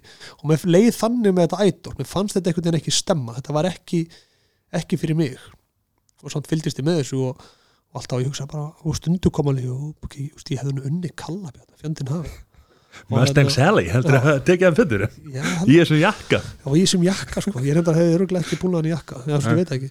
Og, hérna, og, þá er ég ekkert að taka neitt á Kallabjarna hann, hann var flottur í þessari keppni og, og hérna, seldi þetta sem, sem performer og karakteri og, hérna, og svo náttúrulega þú veist, skeita hann þessi brækvindar eftir en, en eins og sko, hann var flottur á þessum tíma sko, Mhm. og, og hann náttúrulega vann stelpuna sem að nú er svo leiðilega að kalla hana stelpuna ég bara mani hvað hann heitir, Anna eitthvað sem að vann, söng, vann söngjarna þegar ég kefti Já. og hérna, nú ekki. við að googla þetta Já.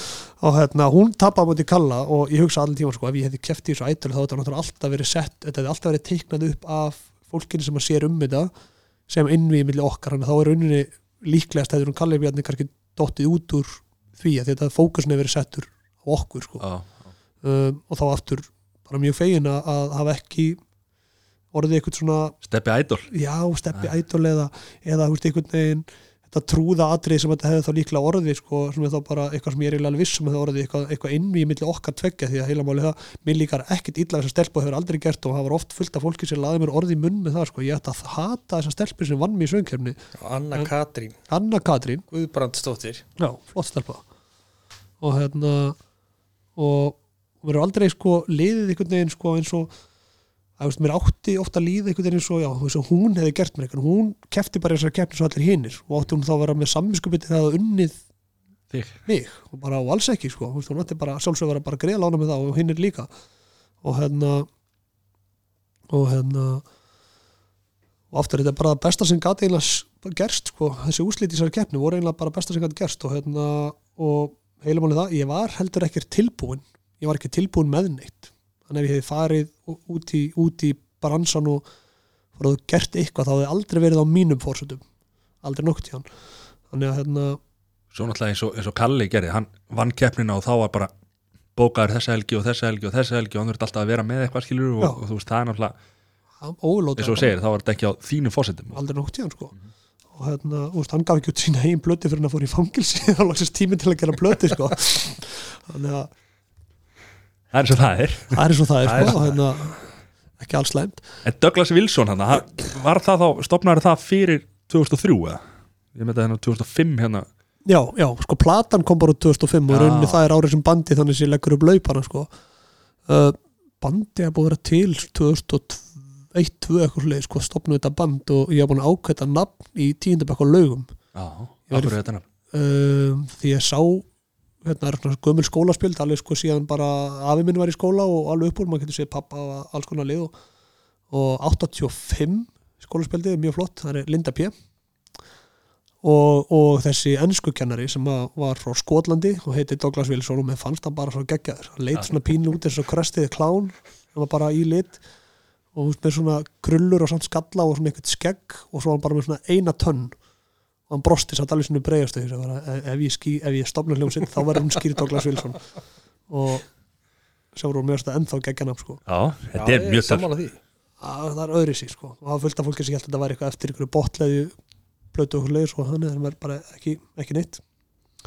Og hérna og við erum þú veist að reyna að fóta okkur þetta band reynda að fóta sig sko með því að spila á böllum og sapna pening til þess að eiga svo pening til þess að gera plötu og það gekk náttúrulega bara svo og svo vel. Og náttúrulega fyrstulega bara voru við bara vitlýsingar þannig að veist, vorum að spila við erum rosalega lágar upp að þeir með hvað okkur gekk vel. Og sérstaklega er það komalega svo sem sprengja á Akureyri og Norra-Austurlandi með söngkefni þar sem við fórum þá úst að spila við hittum upp fyrir stuðmann og eitthvað sko, sem að reynda þeir alveg tók okkur í þurftraskandi sko, og voru búin að lofa okkur einhverjum pening og okkur sem kom aldrei og alls konar og hérna sem er nú svo sem ekki Lýsum eftir þessum peninga núna. Eini Jakob má bara eiga hann hefur glemt í mig eitthvað gegja og hérna og við hérna já, spiluðum mikið. Ég maður vorum búin að spila oddvitanum og svo leys hafa geggið elska konu sem var með oddvitan hún heitir hérna Köllu Svenga og hérna það æðislega kona. Og hérna dyrkaði Björgun Haldarsson og Björgun Haldarsson myndir út um allt baksins alls það, bara Björgun í alls konar römmum silfur og gull og stóru og litlar ég veit í hvað og svo fórum við sérst og prentum út eina mynd af okkur og tróðum hennan inn á milli sko, í gullrama og hérna höfum við alltaf stóra. Og hérna var eina myndi sem fekk að vera með Björgun í og svo var ég eitthvað tíðan eitthvað að reikna eitthvað um borga okkur heldur 90 skatt fyrir, fyrir ballið sko. Og svo fer ég til að vera hérna elsku vinkona hérna það er að koma 350 manns á þessi böll og það kostar svona mikið inn þannig að svona mikið sem kemur inn á ballinu svo er eitthvað innkoma á barnum og okkur leysi er ekki séns að borga okkur herra þá bara veistu hvað kostar að fá Björgvin. Á ég að borga launast Björgvin sagði ég og hérna, hann var til í að hækka 110 hækkaði þetta alveg og já, 110, það er geggja sko, sem var samt ennþá pínlítið sko, við áttum að fá náttúrulega 400 skallir í ballið eitthvað sko. Bjöggi tekur sitt. Böggi tekur sitt og nema hvað, svo spilum við næsta balla, gengur feint og svo fáum við bara aftur 90 skall, bara hei, mástu, svo bara hækkaði upp í 110, já, svo bara gerum með skrifblokkina sko, ég kom nú hérna með snakkboka ég kom hérna með 6 bakka bjór og bara flett lengra og það var nú jólakaka og kakó hann eitt skiti, það var allt tínt til bara allt sem hún hefði nokkuð tíma komið með og var alltaf að gefa okkur, það var skrifað niður og notað til frádráttar frá. setna meir sko. Og þetta var svo mikið upp og þetta var eitthvað sko, maður svona stendur upp og svona en ekkert.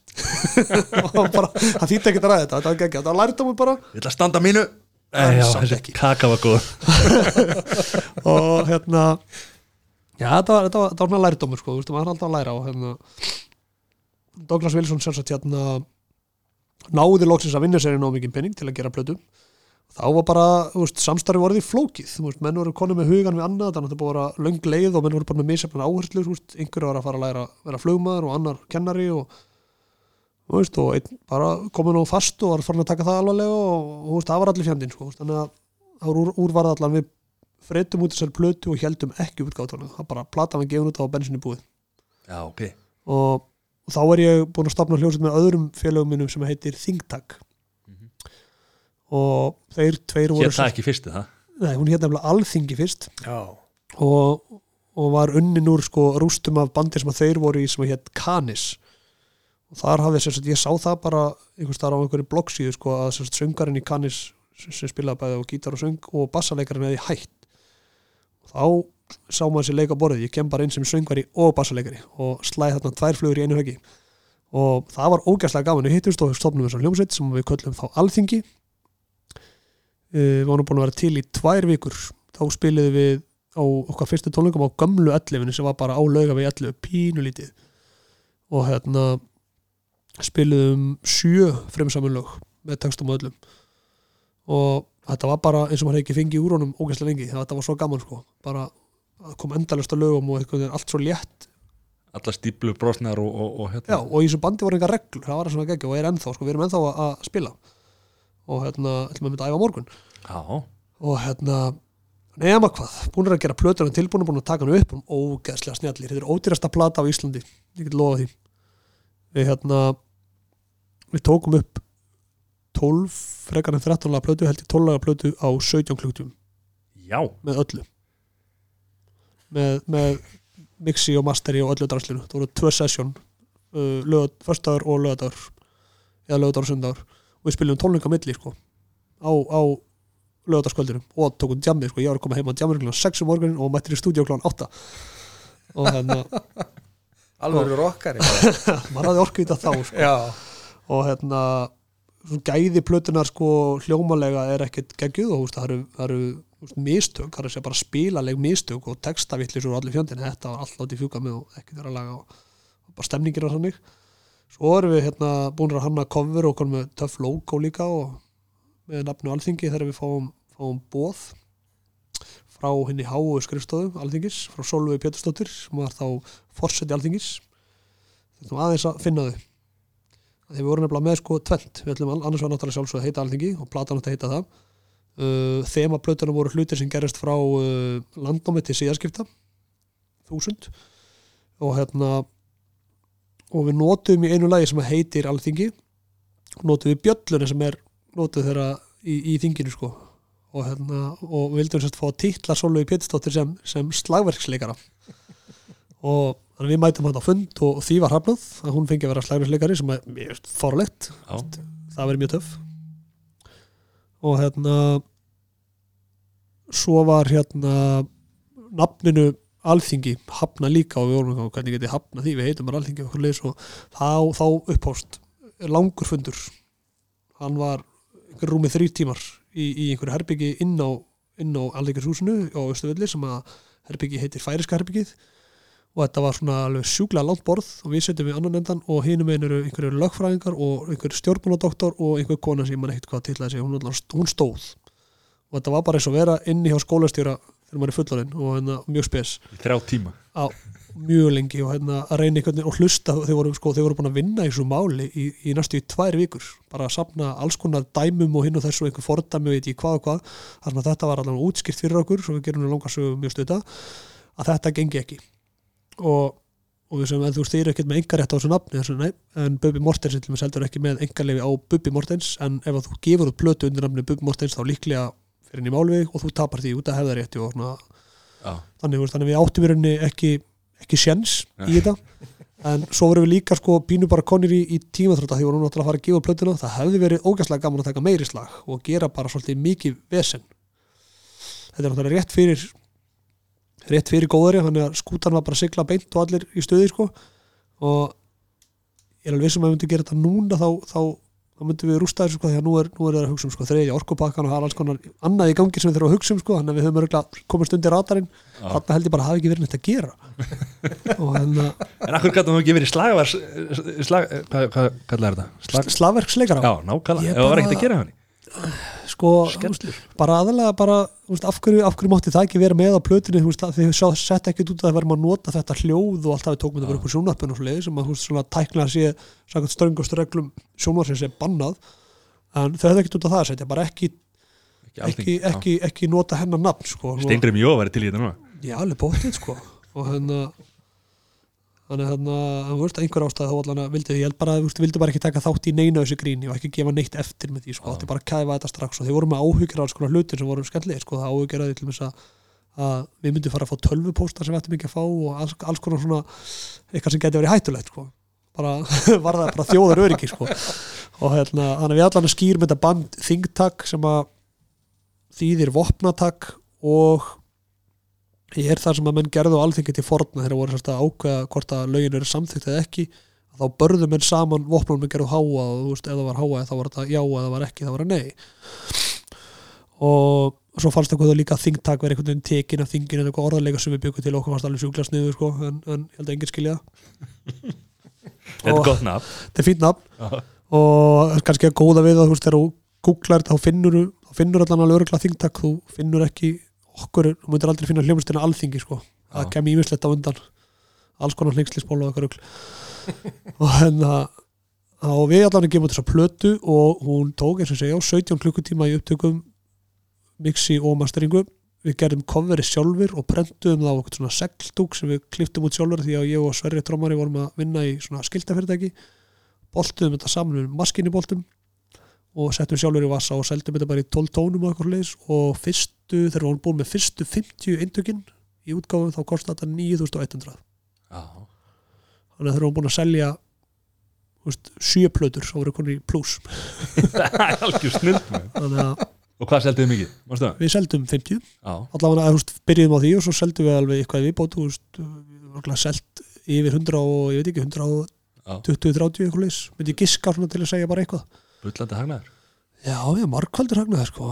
Saman við gerum ból líkt fyrir einhverjum árum þá kiftum við bara eitthvað lager úr einhverju svona er fullt af hvítum bólum og stimpluðum að sjálfur með ThinkTac logoinu og við vorum konið í gróða eftir tvo. Já, seldum samt alveg fullt, seldum alveg fyrir 60 skall eitthvað, þannig að við erum sniðir já. Verður að vera sniður Fyrst að alþingi er að, er að taka ykkur hana í. Já, já og við erum tilbúinir með aðra plötu. Hljómsdegin ThinkTac er tilbúin með aðra plötu sem er komið með titil og titilin er uh, Politics. Vorum að hugsa um að kalla hana Fucking Politics en það var bara óþari já. Það var ekki, það, Það þekkja Það kemst í skila. Já, og það er bara, veist, að, með, þetta er skemmtileg plata og hún er búin, hún er búin að tilbúin í veist, tíu ár. Já. og Hva- hérna Hvað ert í mörgum hljósetur? Núna? mm, sko, það er náttúrulega sko, Dimma er náttúrulega eina bandi sem er svona starfandi, þannig sé. Mhm. og svo eru þessi veist, Douglas Wilson ég verð, ég verð færtugur í janúar, sko. Og þá, þá ætla ég helst að fá öll þessi bönd til þess að spila. Öll bönd sem ég eitthvað gefið út með. Í færtur samanleginu? Já. Hvert að ég að mæta? uh, Nei, ég segi svona. það, það, það verður auðlist, þú, þú ert velkomin Já, og hérna uh, þá er það allavega Douglas Wilson, ThinkTac uh, náttúrulega soloprojektum mitt Jak, Dimma það er svona þetta sem er starfandi og svo er náttúrulega ég og Andri Ívarsson með um, það sem við kallum föstudagslögin. Já. þá er þetta svona þessi þetta er svona það sem maður er í almennt sko. Já.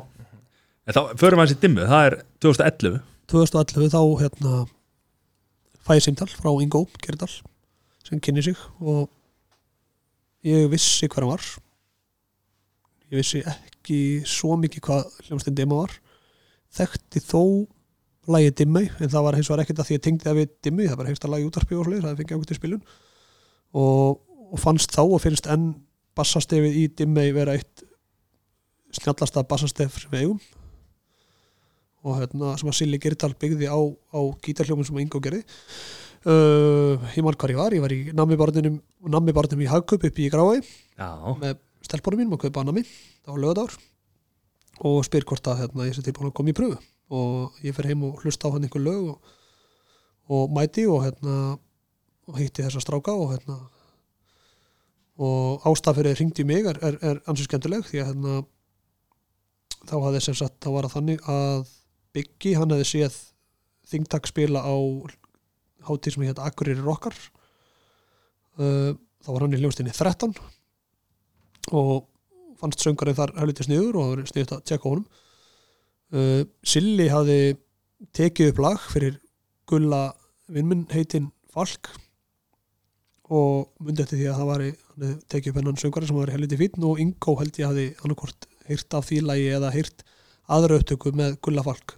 Allavega var alveg þannig að þeir þrýr voru bara alltaf að tala um sama gaurinu, vissu bara ekki alltaf að þetta væri hann sko, þannig að það var rauninni bara eitt sem þurfti að ringi en ekki þrýr, sem sparaði mikið hann ég mæti og, hérna, og syngi sér lög og mér fannst þér ekki gangan eitt sérstaklega vel að því að aftur þetta var hjalti sem var söngat inn og, hérna, og við erum ekki, ekki svipaði söngar, hann er miklu dýbri ég þurfti, að, ég þurfti að aðlagast svolítið mikið í einhverju söngstíl sem að var ekki minn.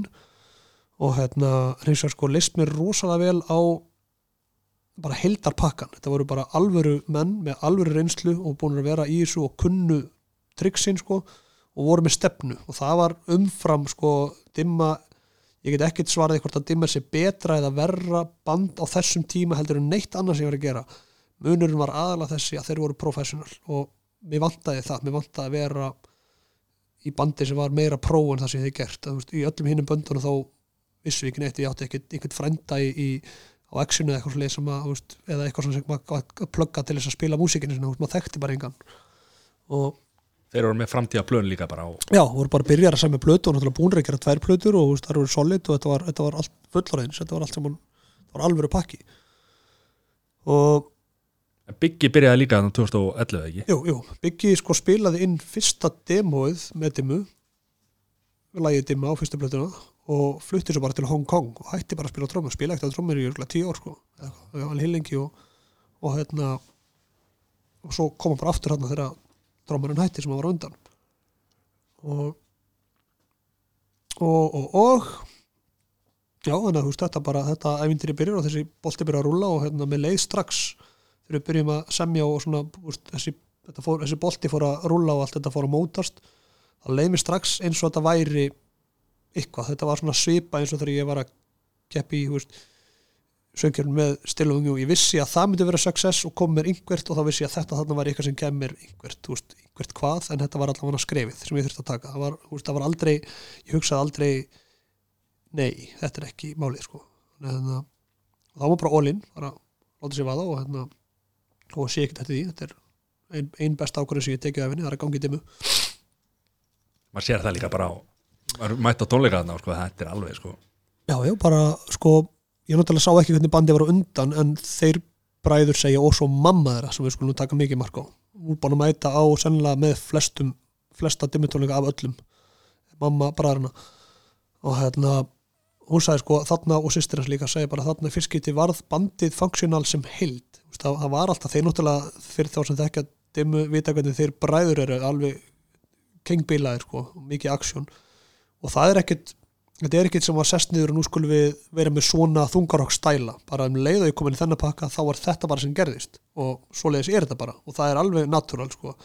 Og allt mjög natúral sko, það er rosa natúral að þegar spotlightið er á sólóinu þá er hann þar sko, þá er ég ekkert að taka það veginn, húst, það er allt einhvern veginn allt í syngi Já, til að byrja með, einu sem var kannski til að byrja með að hérna, árestræðinu mill okkar voru harkalegri, það er að segja aðalega kannski mín og Silla, maður rakst í hann og bara hreinlega blóðgæðist, sko, maður fekk bara hálsin og bassanum í andlitið og, og eitthvað svo leið, sko, en núna maður farin svona að þekkja hreyfingu þannig ég veit hvað maður á að vera, og við Silli getum, getum headbankar alveg ofan ykkur vörum og ég snert ekki á andlitin, ég er hins vegar 2 cm fróði allan tíman og það er bara einu sinni gerst eftir við byrjum og svo leið stöndi að einhver rekst í einhvern, sko. Þannig að þannig að það band já, bara small. Já, Já. Og svo hvað, núna, núna er byggi hættur. Já. Og Egil Egil kominn í Tekið við. og hérna náttúrulega Egil og Silli voru saman í sign þannig að þeir þekktu hvernig hann sko upp á þau þekktu maður náttúrulega allir sko. Uh, en ástaf fyrir hann er valin náttúrulega fyrst að leiða hann geggjaða trómuleikari hann líka Silli hefur náttúrulega mikið um að segja því hann þarf að grúfa með honum og það, þetta grúfar eins og móðufakar sko, þeir tveir. Mm. og svo er þetta skemmtilega náðungi það er mikilvægt rauð í hljómsitt, það er rosa erfitt að vera með ykkur sem er fyrst ekki skemmtilegur í hljómsitt maður þarf að eigða ansi miklum tíma og þú ert að, þú ert að leggja þína sál á borðið þegar þú ert að búið til músík og þetta dimmuband hefur sprungið í tætlur margótt á æfingum, það er að segja að menn verða brjálæður og það er fullkomlega það gerist í öllum hljómstum og hérna að þú veist, þú ert að ræða tilfinningar sko, þetta er, þetta er ekkert djók menn er ekkert að grínast sko. Og hérna, en hins var allt þetta vissin er allt þess verið þegar, þegar grípurinn kemur út og svo byrja bara að spila þá náttúrulega gleymist allt þetta fokk sem gerist í stúdíónu sko, þá er öllum skýtsama af því að veist, þetta, það þurfti bara þetta það þurfti þennan eld og platan eldrunir heitir ekkert eldrunir út í lofti sko. hún heitir eldrunir út af því að þetta var fokkins vesinn sko. og, og mikill barningur en úr verður okkar besta plata að, að ég, mér finnst það. Sammála því, alveg Og- 100% og uh, á þess að vera rosalega montin þá myndi ég segja þetta sé bara einn besta þungarásplata sem verið gefin út á þessu landi. En uh, það er bara því að veist, þetta er mitt barn og mér líður hann já, það er bara 100% en hva, hvernig vinnið úr eins og þeir eru svona það er nú vantilega ekki slagsmál en það eru rifrildi og veist, er þetta, ekki, þetta er svona eins og bara þeirra bræður berjast ekki? Jú, er bara, bara... langoftast af því sem er líka haldið þegar langoftast er þetta nú, þú veist, erum við sammála svo Já. koma bara stundum punktar sem að eru meiri átök og, og stundum er það bara mískilingu, stundum bara ert ekki að hlusta á það sem hinn er að segja. Köllum þetta, hérna, að taka tjakkin það er að segja hérna sem er þá sagan um mannin sem var ekki stáð út á landi og sprengdi dekk á bílinn sinum og hann átti ekki tjakk og ætlar að labba upp að einhverju sveitabæ og hann er að hugsa, já, bændur eru flotti kalla, ég lána manni tjakka maður svo labbar hann lengra og fyrir að efast um það. Og nei, af hverju af hverju ætti þessi bóndi að vera að lána einhverjum plebba og reykja tjakkin sinn? Og hann hugsa reglulega bara út þú veist, reykja einhver hálfviti og svo aftur, jú, þetta lánar hann tjakkin og svo þegar hann kemur upp á bænum og bankar og bóndi bara, það ekkert í aðstóð þú getur bara tróðið sem tjakk upp í raskandi á þér. Var hann bara þinn megin í Já, komin þá, í þá á Já, og hérna þannig að þú veist stundum og það, þetta er bara eitthvað sem við þú veist og svo heilumáli við erum átti miklu betri í þessu heldur við vorum til að byrja með, þú veist, núna vitum við svolítið meira þegar tjakkurinn er tekin sko, við erum bara orðin helviti góðir sko þetta er en, svo góð saga sko. þú veist, hún er líka bara svo sönn og Já. þetta er ekkert bara, ekkert bara við okkur, þetta á bara við á bara við ansi marga sko, þú veist, menn taka tjakki, menn eru alltaf að hugsa um möguleg viðbröð einhvers annars sem að þú ætlar að fara að segja Mhm. og svo þegar hólminn er komið þá verður það nú aldrei að præðilegt og helst sko. getur réttir ekki eitt svona já, tvo svona. Já, hérna já, þetta er nefnilega máli skilur. Og maður er bara að láta vaða skilur. Já, já, og er þessi bulli skilur. kæla sko, ég var að, hérna, að láta taka um en endaðiksla þegar hans að kæla kinnina, ég er búin að tala svo mikið. Ég ætla nú bara þessi, alltaf góður. Hérna, en nú ertu heldur betur múin að taka við að helga fokkin björs maður og þú ert bara besti performer hérna, ég ætla nú bara að segja það á landinu. Já, þú, þú mátt segja það ég skal, ég skal taka því, ég er náttúrulega þarf að æfa með að taka hrósi en hérna, veist, ég veit ekki hvort það sé réttið ekki, en, hins vegar þá, þá get ég allavega með sannig sagt ég veit að ég er góður, sko, ég, ég þarf ekkert að efast um það, ég er, veist, það er, það er astnalegt að segja nei, ég er ekkert svo góður, meina ég er búin, ég er búin að sína mér og öðrum það að ég, ég get Mhm. og, og svo er ég líka búin að læra það einhvern að þú mátt, ég má finnast það, af hverju það maður að lítið lýsi með það sko. og veist, maður er búin að maður á að vera ánað með það sem maður afreikar ég er sjálfsög ekkert komin í mark, ég upplifði aldrei þannig ég sé bestur í neinu en þannig. Ég veit bara að ég er ég er á pari við mín markmið. Ég er að gera það sem ég er ánað með ég er að gera það sem ég planaði að gera. Sem er svolítið magna sko því að það er svolítið eins og þú hafið tekið þetta svona oft í svona skrefum eins og hafið, þú tekið svona meðvitaðar ákvarðanir í ferlinum eins og, eins og þú talar um ædólið áðan. Já, já, það fara ekki þarna. Já, svolítið magnað já. sko og fekk, ég fekk alveg nógu mikið sko á baukinn hjá bæði náttúrulega ættingi sem vil náttúrulega alltaf sjá okkur frænda sem Já, í sjónarfinu sko já. uh, og alls konar þannig fólk er ekki, okkur fer ekki þetta, þú rústa þessu okkur leis og mögulega, já, ég hefði örgulega tekið eitthvað þessum ætölum og unnið það en var ég þá að vinna fyrir Siggu Franku eða Dotta Frænda sko, eða Já. út af hverju var ég að vinna eða var ég að vinna veist, alveg saman hverju bjó á landinu ég var alltaf, "Ah, veistu, ég er bara að býja húsavík. Er það alltaf leið, það eru, það eru pröfur á, í, á Akureyri, veist, á blabla svona, ah, henn leiðilegt, þá er ég hérna og það bara, heyrðu, ég, ég flýði bara suður. Ég bara, þannig að hérna, þannig að það var ekki er svo ekki viljað að tróða þér í nælon. Uh, nei, ég, ég heilsa að tróð mér í nælon ból og ég er í nælon bókinni ég er í nælon bókinni í nælon ból vel þar sem við strákandir í Douglas Wilson gáum þeim Douglas Wilson ból og fengum nælon ból í staðinn og ekki vissi ég var í nælon bók samt. Ha? það er til nælon bók, hún er er geggjuð og menn skulu ekki gera lítið úr svo Nei. skulu ekki gera lítið úr ekki þær fóru til móðafakking MA, LA fyrir ekki MA að aftur ég er með bó- bólgna, bólgna kjálka, ég get ekki tala hérna, fóru til LA til þess að gera það sem þeim langaði til að gera og ég var ekki var við annan að það hefði tekist ákveðlega Mm. og við skulum ekki gera lítið úr fólki sem að lætur vaða í, í sína drauma að það þarf kjark. Og tala ekki um sko á þeim tíma kannski sem að var ekki endilega auðvöld fyrir stelpur að taka svona ákvörðun. 100% það er litið syndrömi rætast. Þannig að já, og við skulum taka, taka hattin og byggja okkur djúpt. Rétt. Hjartalega samanlega Friðrik Ómar, þú ætlar að koma inn á það? Freyr Gómar hann kemur inn í, inn í mitt líf. Nú hljómar þetta eins og eitthvað, sem eitthvað þeng sko. það er bara þannig. Hann var alveg örgulega í domnund í verkmyndaskólanum þegar ég vann keppna þar með stilnáðingjó og meðal annars í verðlaun voru stúdíotímar hjá honum í stúdíu sem hétt DAX, D-A-X og Freyr Gómar er nú ári yngri en ég.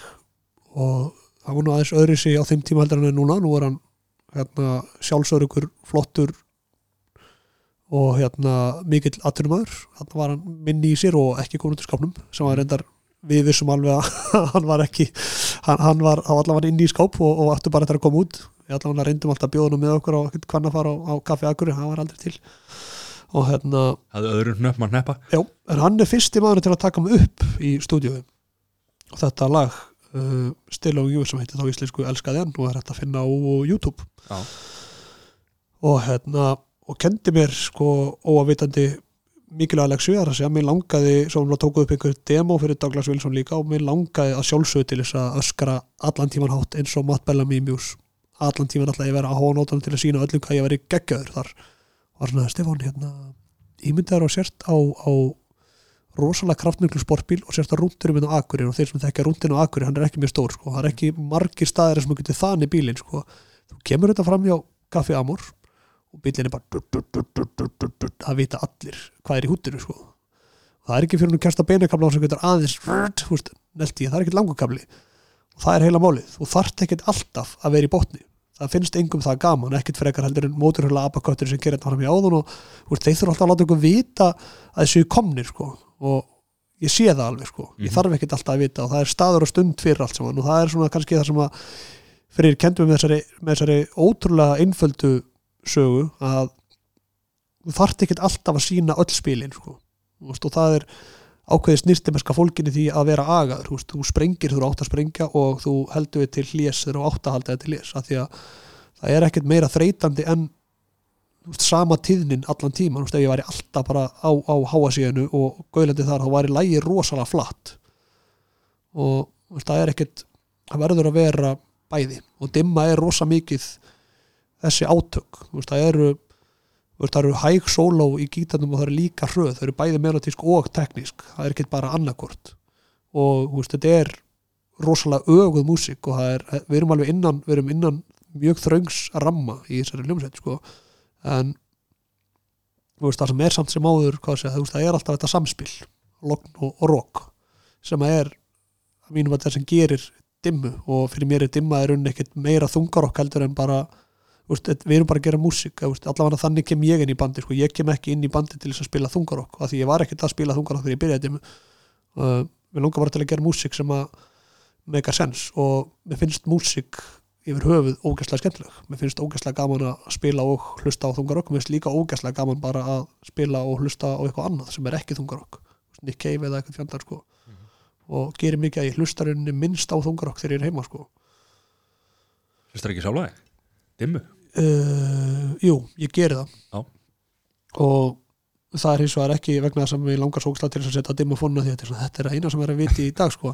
þetta er meira til þess að sko að hérna, uh, læra á sjálfum sig, kosti og galla og, og svo bara sama að ég var að segja upp að þegar maður er að horfa í speilin þú veist, ef þú ert ekki ánægð með þetta að þú getur ekki hlusta á þetta með góðri saminsku þá er engin annar að fara að gera allavega ég trúi ekki þannig að á, á þeim fórsetur hlusta ég á Já. og, og ég hlusta mikið á mig ég tek mig upp út um allt og alltaf fjandar sko, ég var í stúdíu áðan, ég var að laumast til að taka smá síma til að fara heim og hlusta á það til að vita ef ég kem á morgun í stúdíuð og mögulega syngja aftur inn þar sem ég gerði í dag ef ég heyri eitthvað núna þannig að þetta búið aðeins að setjast Já. og Það er aðra fórsetur sem ég hlusta, ég hlusta alltaf á spekingar spjalla, hann er bara til að fá hlustun sko í gegn. já, já, já, Það er allan einn skilur. já, já alltaf eitt sem hlustar og svo stelur síma á ykkur öðrum þá Já. Já, já, maður verður að fá hlustun á þetta. já, já. En hvað hérna, varst í stúdíu þetta, hvað, ertu að taka upp eitthvað, er eitthvað nýtt efni á leiðinni? eða? Uh, ég er með legend í stúdíu sko núna, ég er hérna búin að fara að gæra dag og taka upp hérna uh, lög fyrir Jóhann Helgason sem að þarf ekkert að kynna þér hann Nei, nei, nei. samt í söknuð. Já. og Reykjavíkuborg, ekki nóg. Það er það er Já, það er alveg nóg, Ef, þeir, ef fólk veit ekki hver þetta er, það var bara að googla hann sko. já ég bara googla hann Jóhann Helgason legend. Já. uh, hann er búin að semja rockóperu sem að er byggð á sögunum fjallæfind og hann vantaði fjallæfind og og uh, spurði hvort ég verið til í að vera hann. Og þá er fjallæfindur samkvæmt lýsingunum hafi verið hávaksunar ljósarur þá hérna allan veit ég sitt hvað um fjallæfind og, og, og þarf að vita um það bara þegar ég er að gæta. Ég vinn við það stundu líka og hérna heimsæki einn af félagstormars í herrbæra-lindum hérna og bara, veist, þetta er geggjur saga og hérna og náttúrulega það er ekkert leiðilegt þegar einhver svona legend ringir sko, veist. Það er gaman þegar Jói Helgar ringir, það er gaman þegar uh, Magnús Þór ringir í eða, eða Gunnar Þórðarsson þú Verður svona starfströkt eða? já, ég var alveg bara svo bjáni sko, með þetta svo klikkað bara þessi menn bara yfir höfu viti hvað ég heiti sko. Já. og hérna og hún er búin að vinna með þeim öllum sko, og, þú og, ennþá fyrst bara geggja og það er sem er náttúrulega geggjast að þú svo er þetta náttúrulega bara svona stráka pjakkar þeir eru samt 70 sko, þeir eru samt bara ennþá svona pjakkar þú þeir eru ennþá með sama áhuga á músík og þeir voru þeir voru að gera allt sitt besta sko Já. og sem er náttúrulega bara svo ógæslega fallegt sko og gera verkum að þá sem ok, ekki, það, þú veist, ef að ég næði að vera eitthvað eins og þeir þá bara þá bara er ég hamingisamur sko. er það ekki, Já. verður ekki framtíðin bara tónlistinn og, og hérna? Svo, svo er náttúrulega soloverkefnið þitt Jak já, er það, er það, það er current hvað þú gefur út diskin bara, bara 2018? í fyrra haust. Já, og það er náttúrulega bara úst, gammal draumar að gefa út plötu undir eigin nafni og, úst, og standa þessu bröldi sjálfur sko, þetta er skref. Og uh, ég svona sá, sá ákveðin leik á borði bara ég var að hérna var stundum færi ykkur svona fyrirspyrnir og það er eitthvað svona lítill kall inn í haustum sem segir jú, gerði þetta, þetta er svona yes men Já. þar stundum að, að láta vaða í eitthvað þó að þeir lítist ekki á það hann var sem stíð að beðnum að syngja demo fyrir Júri fyrir einhverjum árum síðan og, og hérna sem er persónulega fast að þetta ekkert skemmtilegt lag. En það var eitthvað sem að, sem að aftan í höstu sko, þú, þú tapar ekki á þessu. Og í gegnum, gegnum að fara í fyrir stúdíu hérna í Hafnafyrði og, og kynnist á Dóra sem er hérna kendur í hljónstæna Legend. Og semur veist, á, á þannan, þannan hljóðheim held ég svona ég ætla ekki að segja skuldlaust en alltaf því sko, þetta er mikill sérfræðingur.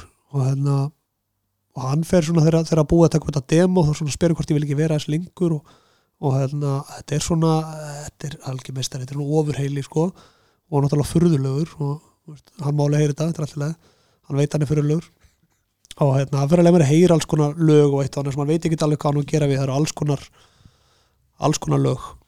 Og, hérna, og, og, breyttin á þessari músík var svakalega, það voru alls konar epík, það var eitthvað svona einhvers konar kvikmynda eitthvað og svo var bara úst, pop og svo var svona einhvers konar, segja bara prodigy stælar og alls konar og hérna, ég söng eitthvað smáina og eitthvað demo fyrir einhvern, einhvern mann í Breitlandi sem ég veit ekkert hvað var það, það getur vel reynd að koma út þegar ég bara í alveg nefnir ekki hugmyndu það. Og ég eitthvað svona segja, ok, ok, þetta er gaman hérna, ég hef kannski bandi við þessi og svo veist, var eitthvað svona einhver látið þannig hef, hef samband við hann og hitt hann í kaffi og hérna við fyrir svona að leggja línundar að hérna, að hýrða upp úr ruslakistunni hans og ruslakistunni minni já, náttúrulega á alls konar lög sem að passa ekki inn í dimmu eða þingtaka neitt annað og, og, og hérna, það varð úr úst, út af mörgum ástæðan varð það úr að það var miklu meira ríkjandi þar sem að hann átti í sinni kistu heldur en uh, ég í minni. Þannig að er unni lagasmíðarnar eru, eru flestar gamla lagasmíðar eftir hann og ég hugsaði bara veist, það skiptir einhver máli þú veist, við þurfum að það þarf eitthvað að koma út undir mínu nafni og þurfum, veist, og ég nefndi ekki að berjast að móti þess að þú veist, þá væri við sannlega ennþá að þessu.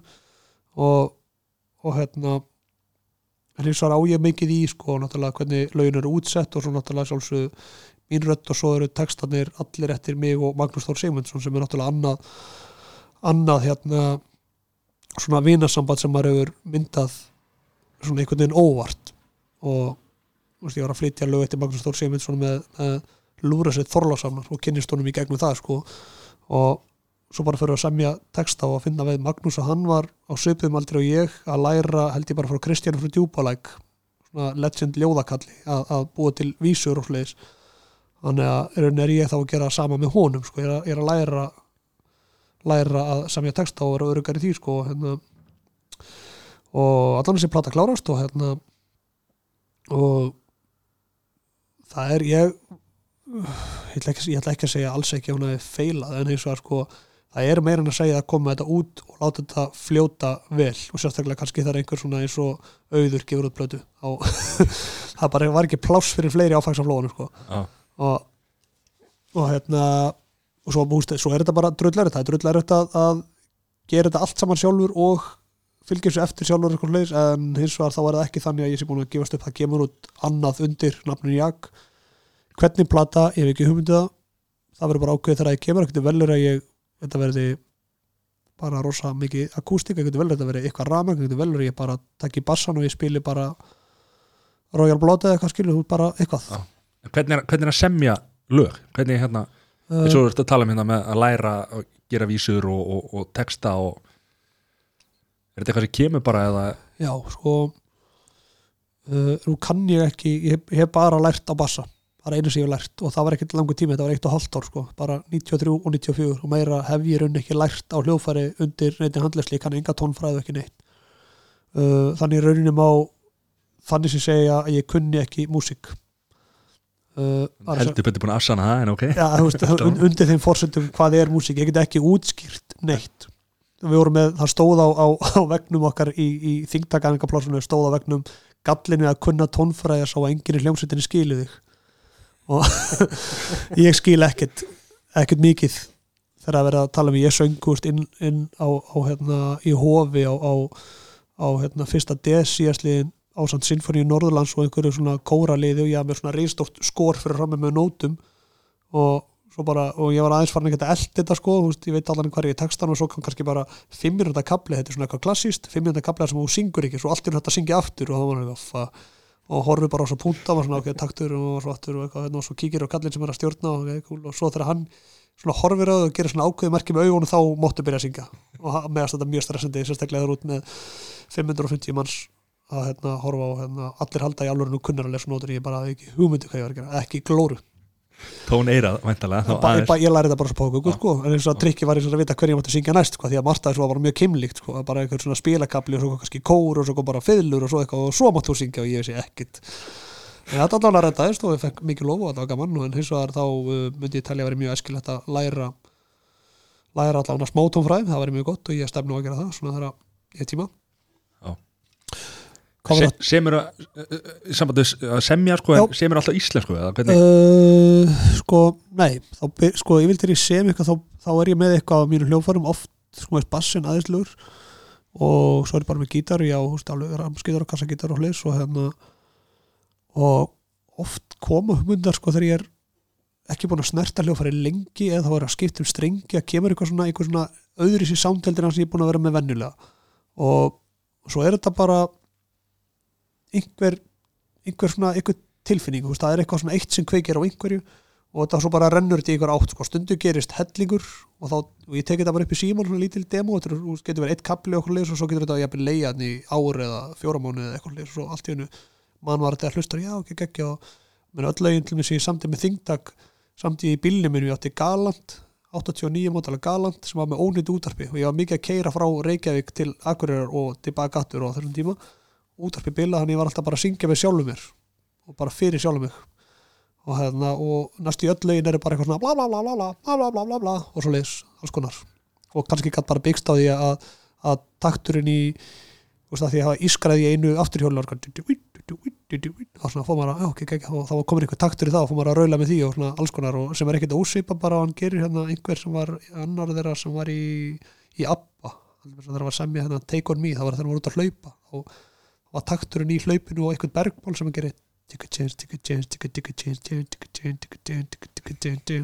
var bara þegar hann var út að hlaupa og heyrði eitthvað svona hljóð Já. og það var svona svipa, ég tengi við það sko og þú veist það er allar forsendur sko og svo, þú veist, ég samti ég samti veist, lag til ömmu þegar hún dó og það tók bara tímyndir og, og, og samti lag til elvarsfrænda minn sem að dó þegar hann var 20 og- úff, 21 árs og þú veist, þá var það bara bara eitthvað svona, leið til þess að díla við þannig, Sorg- þannig sorgina sorg já, og- og, og, veist, og strax konsepti komið og og, og hérna á lagið komið svona fljótlega og myndin á það og allt svo leys þá, þá gerast það hratt, svo stundum þá gerast það hægt sko, sérstaklega meira að rempast sko og svo bara úst eins og núna er að fara að gera dimmuplötu þá veit ég bara mjög fljótlega þá, þá dettur hérna dimmugýrin inn og úst, þá fer ég að hugsa svoleiðis og þá fer ég að hausinn að opnast í þær áttir en það sem ég heyri kringum mig fer að vera uh, dimmulega en það er ekki, ekki endilega vegna sem ég sé að hlusta þá þungar og það er þá ég eitthvað annað sko. Já. sem kveik, kveikir á þeirri tilfinningu sko. Og, og ég veit ekkert nákvæmlega hvað er, það er bara eitthvað. Og veist, uh, ég samti ég samti svo bara tvö lög á síðustu dimplötu og, og veist, annað er að fjallar að hluta til um að, að byrja nýja kapla í lífinu, veist, á, á þessu tíma var ég að skilja. Og þá svona þá hérna, veist, var ég svona allt inni kom bara með eitthvað aukt blað fyrir fram mig og hérna samtið þá þessar hérna línur, mín, mín þingstu spór hverfa um síð uh, ískalda fönnuna baki mér í. Þrauka hér enn örlitla stund ég var stormsins í hverfa þinn fund. Og samt þetta bara á snjóslega með vinum mínum upp á leiðinni hérna í áttina vatnajökli sko. Og, og, fjall, og fjallaði bara um þessa tilfinningu veist, að, að þetta er fokkins vesen, það er mikill stormur en samt einhvern veginn, bara á leiðinni hvert og það er allt í kási og, og hérna veist, það er og það er bara misjant sko.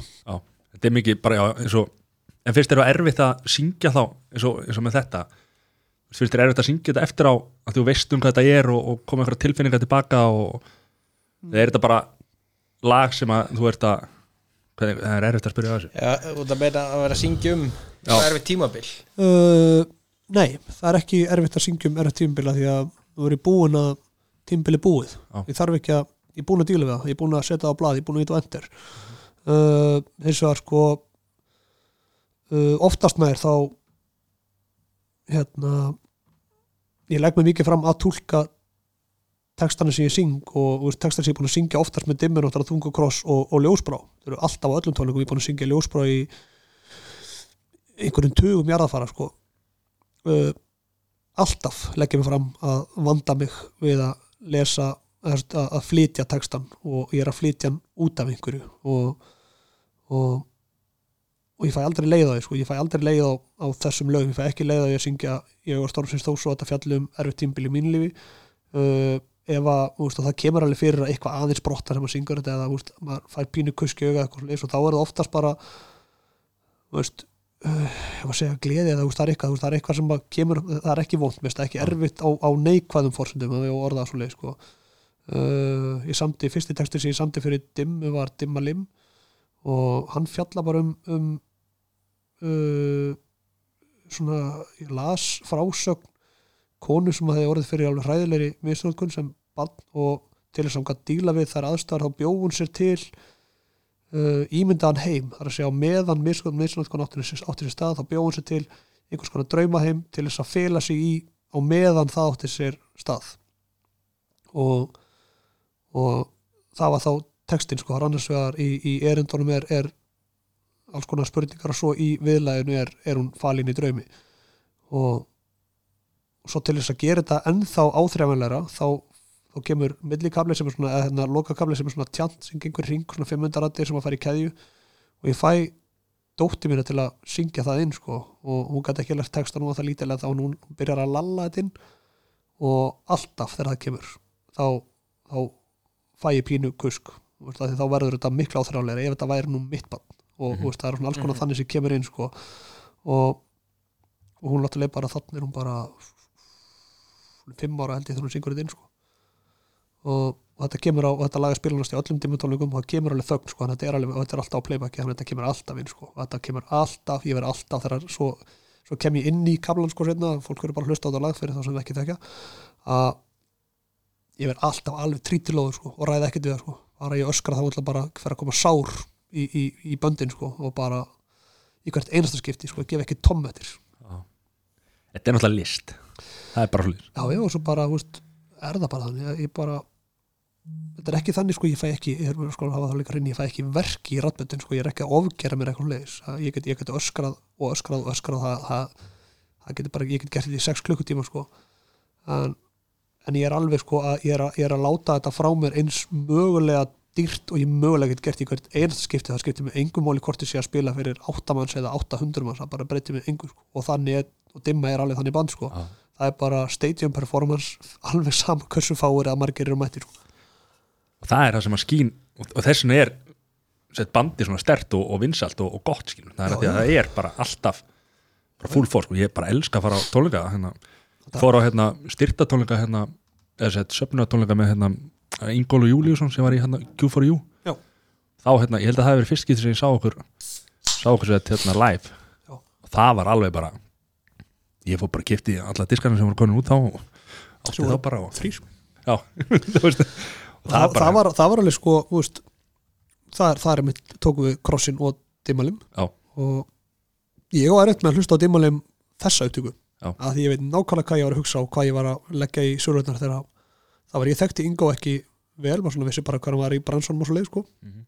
en ekkert persónulega og bara að þetta var í toppnáungi og, og með svona svipan hugsunum hátta maður sjálfur knúsaði frekar en að hilsa með handabandi og alls konar sko. toppnáðingi og hérna og svo, já, svo ringdi hennu bróðurinn sími hann rétt eftir hann lest og hérna báðum að syngja í, í útförni sem að það var það fyrst skipti sem ég söng í jarðaför og ég bara, já, já, já, ekkert mál. Og svo bara ég búin að skella bara, ég sagði, já, já, ég er að fara að syngja lag sem heitir Ónýttik með Ramstein Já.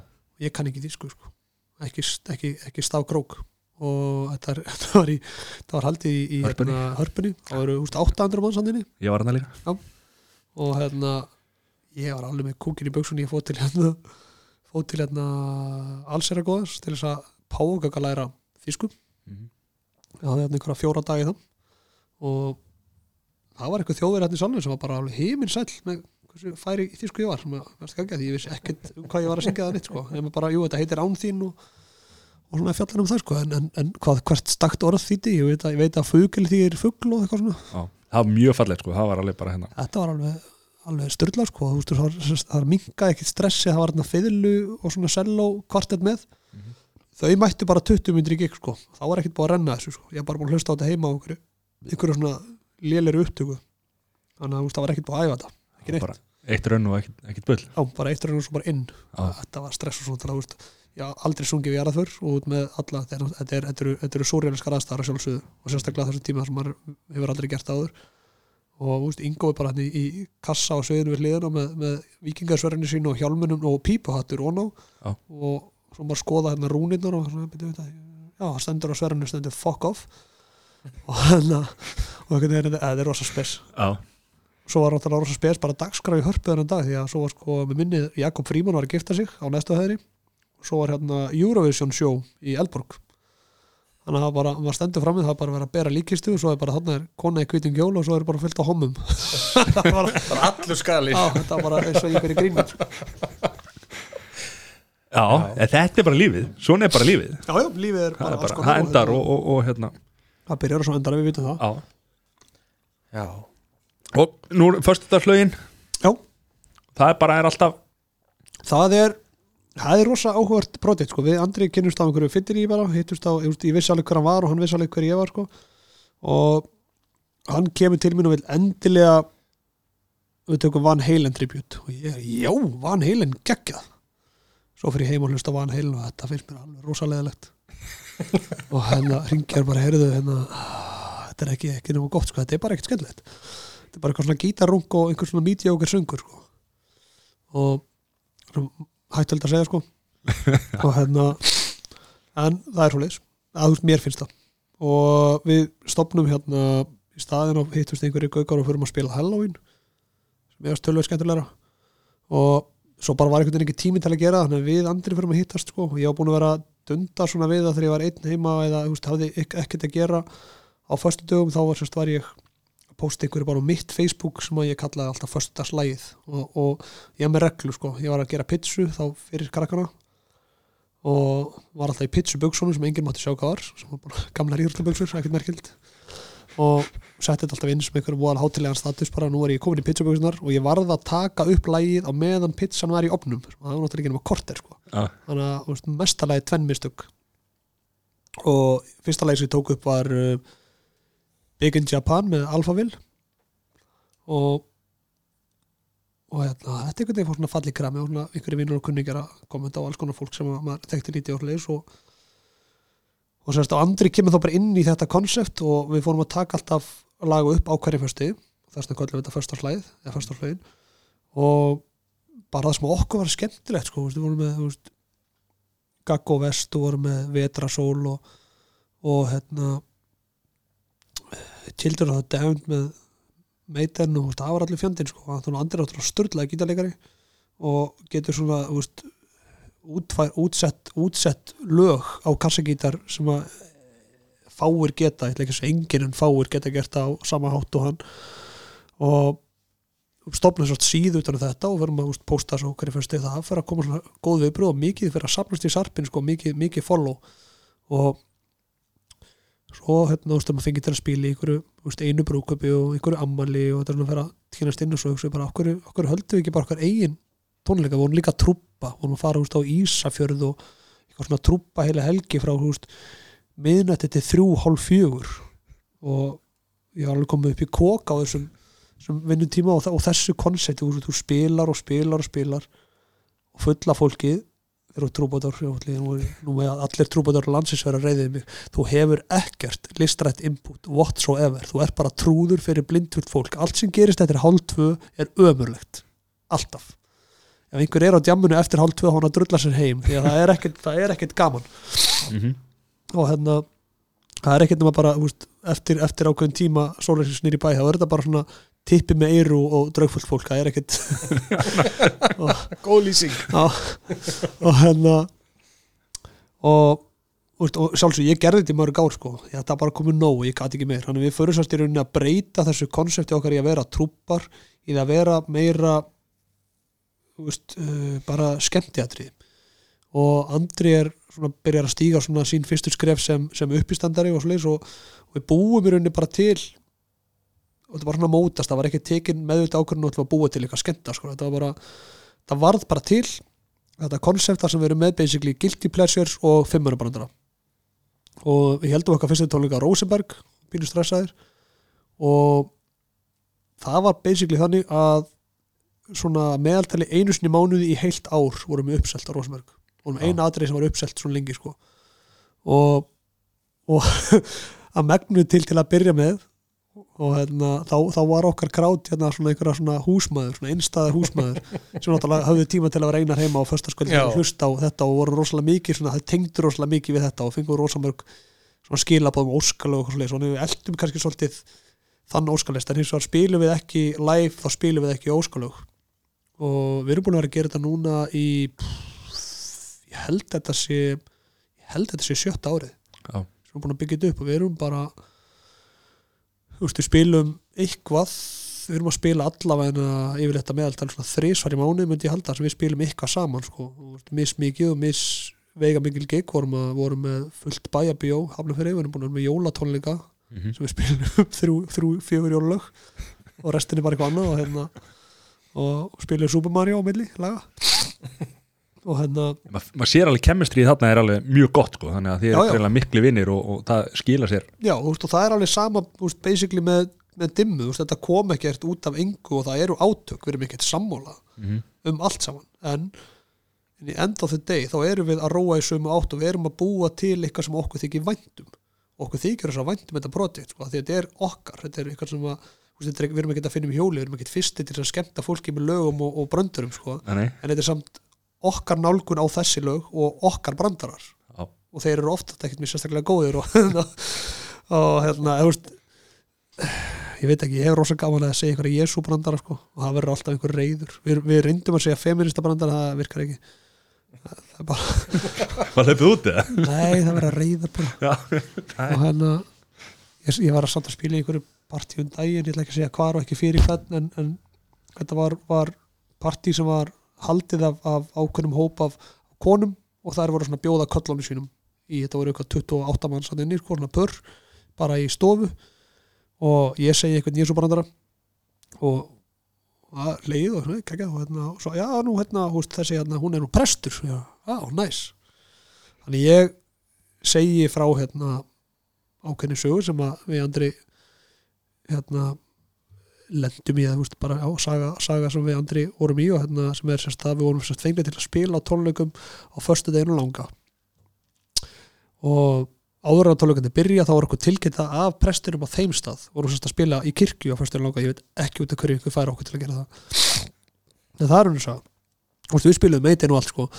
Og hérna og það má sérst ekki klappa mér er tilkynnta fyrir tónleika af prestunum að það sé ekki viðigandi að klappa í kirkju á fyrstur langa. Og ég tilkynna það, þetta eru rosa skrýnt tónleikar. Maður er búin að syngja úr sér, úr sér hjartað og það bara er aldrei viðbröð og allir bara, það langar alla til að klappa en það bara má ekki. Og svo eru tónleikundir búinir og kemur einhver maður og einhver kona og af hverju, af hverju máttu ekki klappa? Hverju var það banna ég, held að það sé bara eitthvað svona meðvirkni hérna, í, í okkur Íslendingum því að Jésu hann gæti ekkert klappa á fyrstaði langa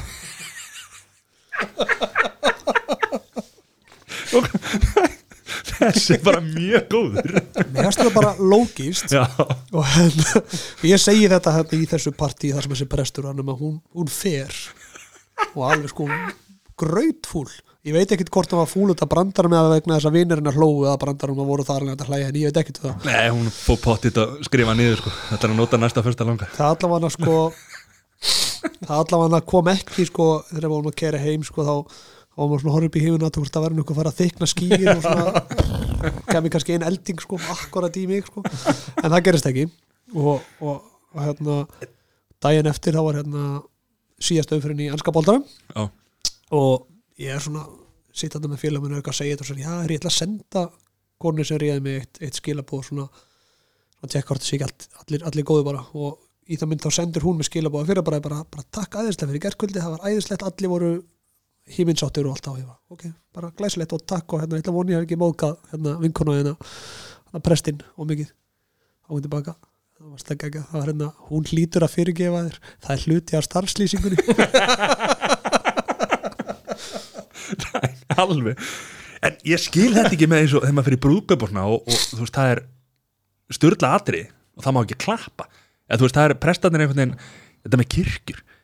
Þeir eru misjafnir sko, Já. mjög misjafnir. Já, Ég er búin að mjög. spila, ég er búin að spila í mörgum jarðaförum og mörgum brúkumum og þeir eru mjög misjafnir og heila málið það, ég segi, ég er farin að gera núna ef ég spila í brúkum, ég segi bara í prestinu vilti guðanabænum láta fólk vita að það má láta í ljós einhvers konar tilfinningar eins og gleði. Við erum ekki hérna, Já. að þetta er svo bjánalegt. Fólk langar, en það er einhvern veginn þorir ekki formsins vegna. Og þetta verður allt miklu bærilegra þegar þetta, sko, heila málið, þetta verður svo astnalegt Já. og maður finnur bara hvað þetta er astanlegt sko. og það þarf einhvern veginn að högga á þetta það hefur, nota benni, ég hef spilað í jarðaför sem hefur klappaði líka Já. og bæði þar sem er sko prestur og svo líka hjúst óháður söfnur og, og, og hérna hvað heitir þetta hérna wow. Hvað er það? Já, þetta ekki, ekki kirkju Erum við að tala um siðmennt? Já, já En hérna, þú veist, þannig að það er allur, allur gangur á þessu þetta er, þetta er allt þetta er ekki alveg jafn, þú veist, steift í, í, í skrítnamóti eins og þetta hefur verið síðustu þrjúðust árun eða eitthvað. Ég er alltaf farin að reyna þú veist, að það er allir einhvern veginn með hendurnar alveg að fara að klappa sko og býða eftir einhver eitt byrji sko. Já. maður bara að byrja. Sjálfsögð. en hérna, svo náttúrulega eins og ég skil kannski aðeins meira í jarðaförum að það sé svona en Já, þú veist, það er náttúrulega bara mísum, þú veist, ég hef bara ég hef spilað í þú veist, það er bara, þú veist það er bara mjög mísamt hvernig fólk kveður. Já. og, og ég hef ekki ennþá lent í því að það sé óviðigandi hvernig fólk veist, sumir vilja hafa þetta bara sorglegt og allt á, sumir vilja hafa þetta aðeins léttara. Mhm. og ég hef ekki ennþá lent í einu sem segir að þetta er rámt við kvöttum þennan vittlust veist, Já, þetta er- viðigandi við sorg fólksins og svo hvað gerðist. Uh, og hérna og mér finnst, það, mér finnst þetta hvað er langt síðan? Að Ingólfur dó, þú veist, ég hef þá búin að spila jarðaförðu síðan þá. Já, í fimm ára eða sex ár, er ekki meira maður? Sjö. Ég bara er, 2000, Ekki alveg klár. 2012 Já, Ég held að sé getur 2012, getur verið það. Að hérna að hérna, þannig að maður er komin svona ágættis, ágættis við mig. Og mér finnst þetta allt svona orðið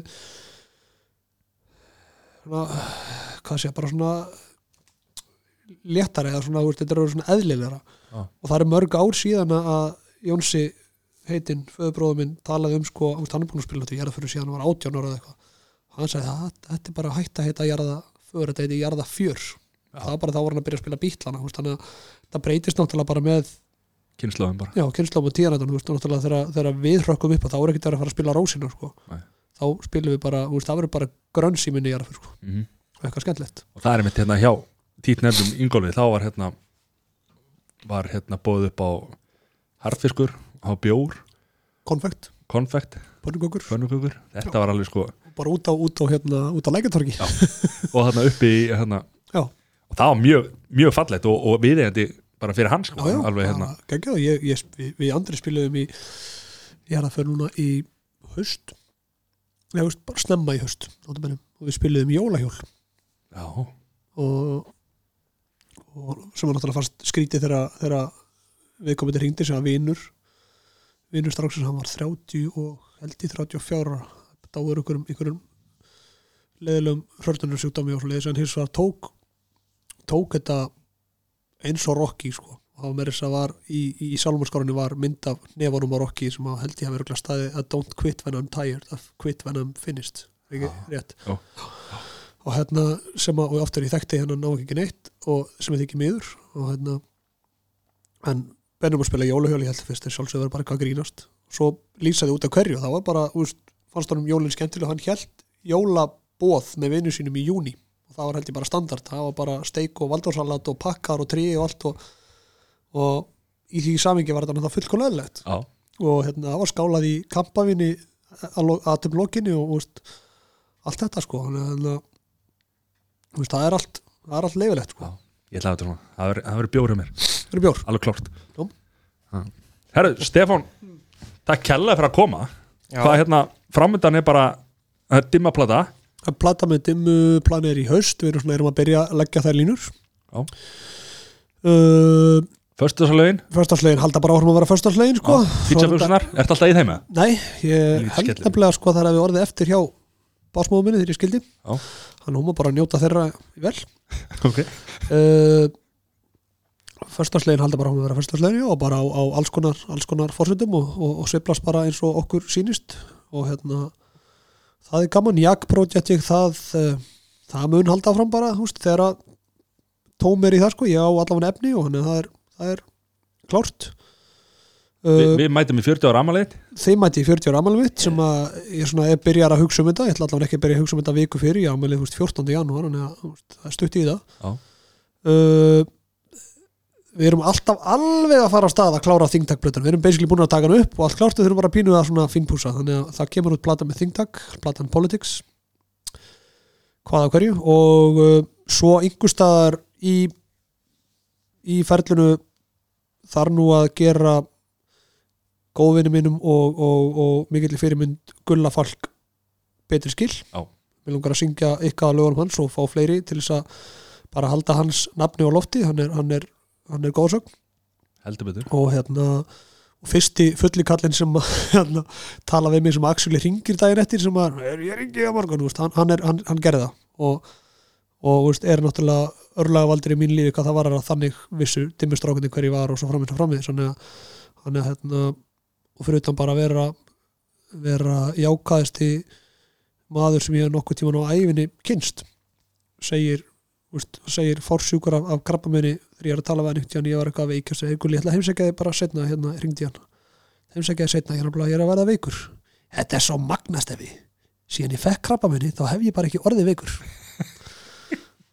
Það er oh, Það er ljónhart þannig að hann gæti alltaf fundið eitthvað jákvæmt í daginn það er alveg sama hvað var komið í skrúuna hvernig hún rakaði alltaf, það var góð lykt í herbygginu jarðabærin sem hann fekk á hjúkarum voru svo flottar bara whatever sko. Maður á að líta svona lífið maður. já, að já, það þarf að gera honum, honum betri skil, hvort sem að ég geri það bara sjálfur eða fæ, fæðast og ég reiknum með að þegar maður ég eða einhver ég reiknum með sínum fleiri, fleiri með þessar hugmyndir sko, að það þurfa að gera honum betri skil, þá gerum við það og út í heldum hann eitthvað sem ég heit Falkfest þegar við varum að styrkja hann þannig að kannski höldum við bara Falkfest aftur og hann verður það bara með í anda. Já.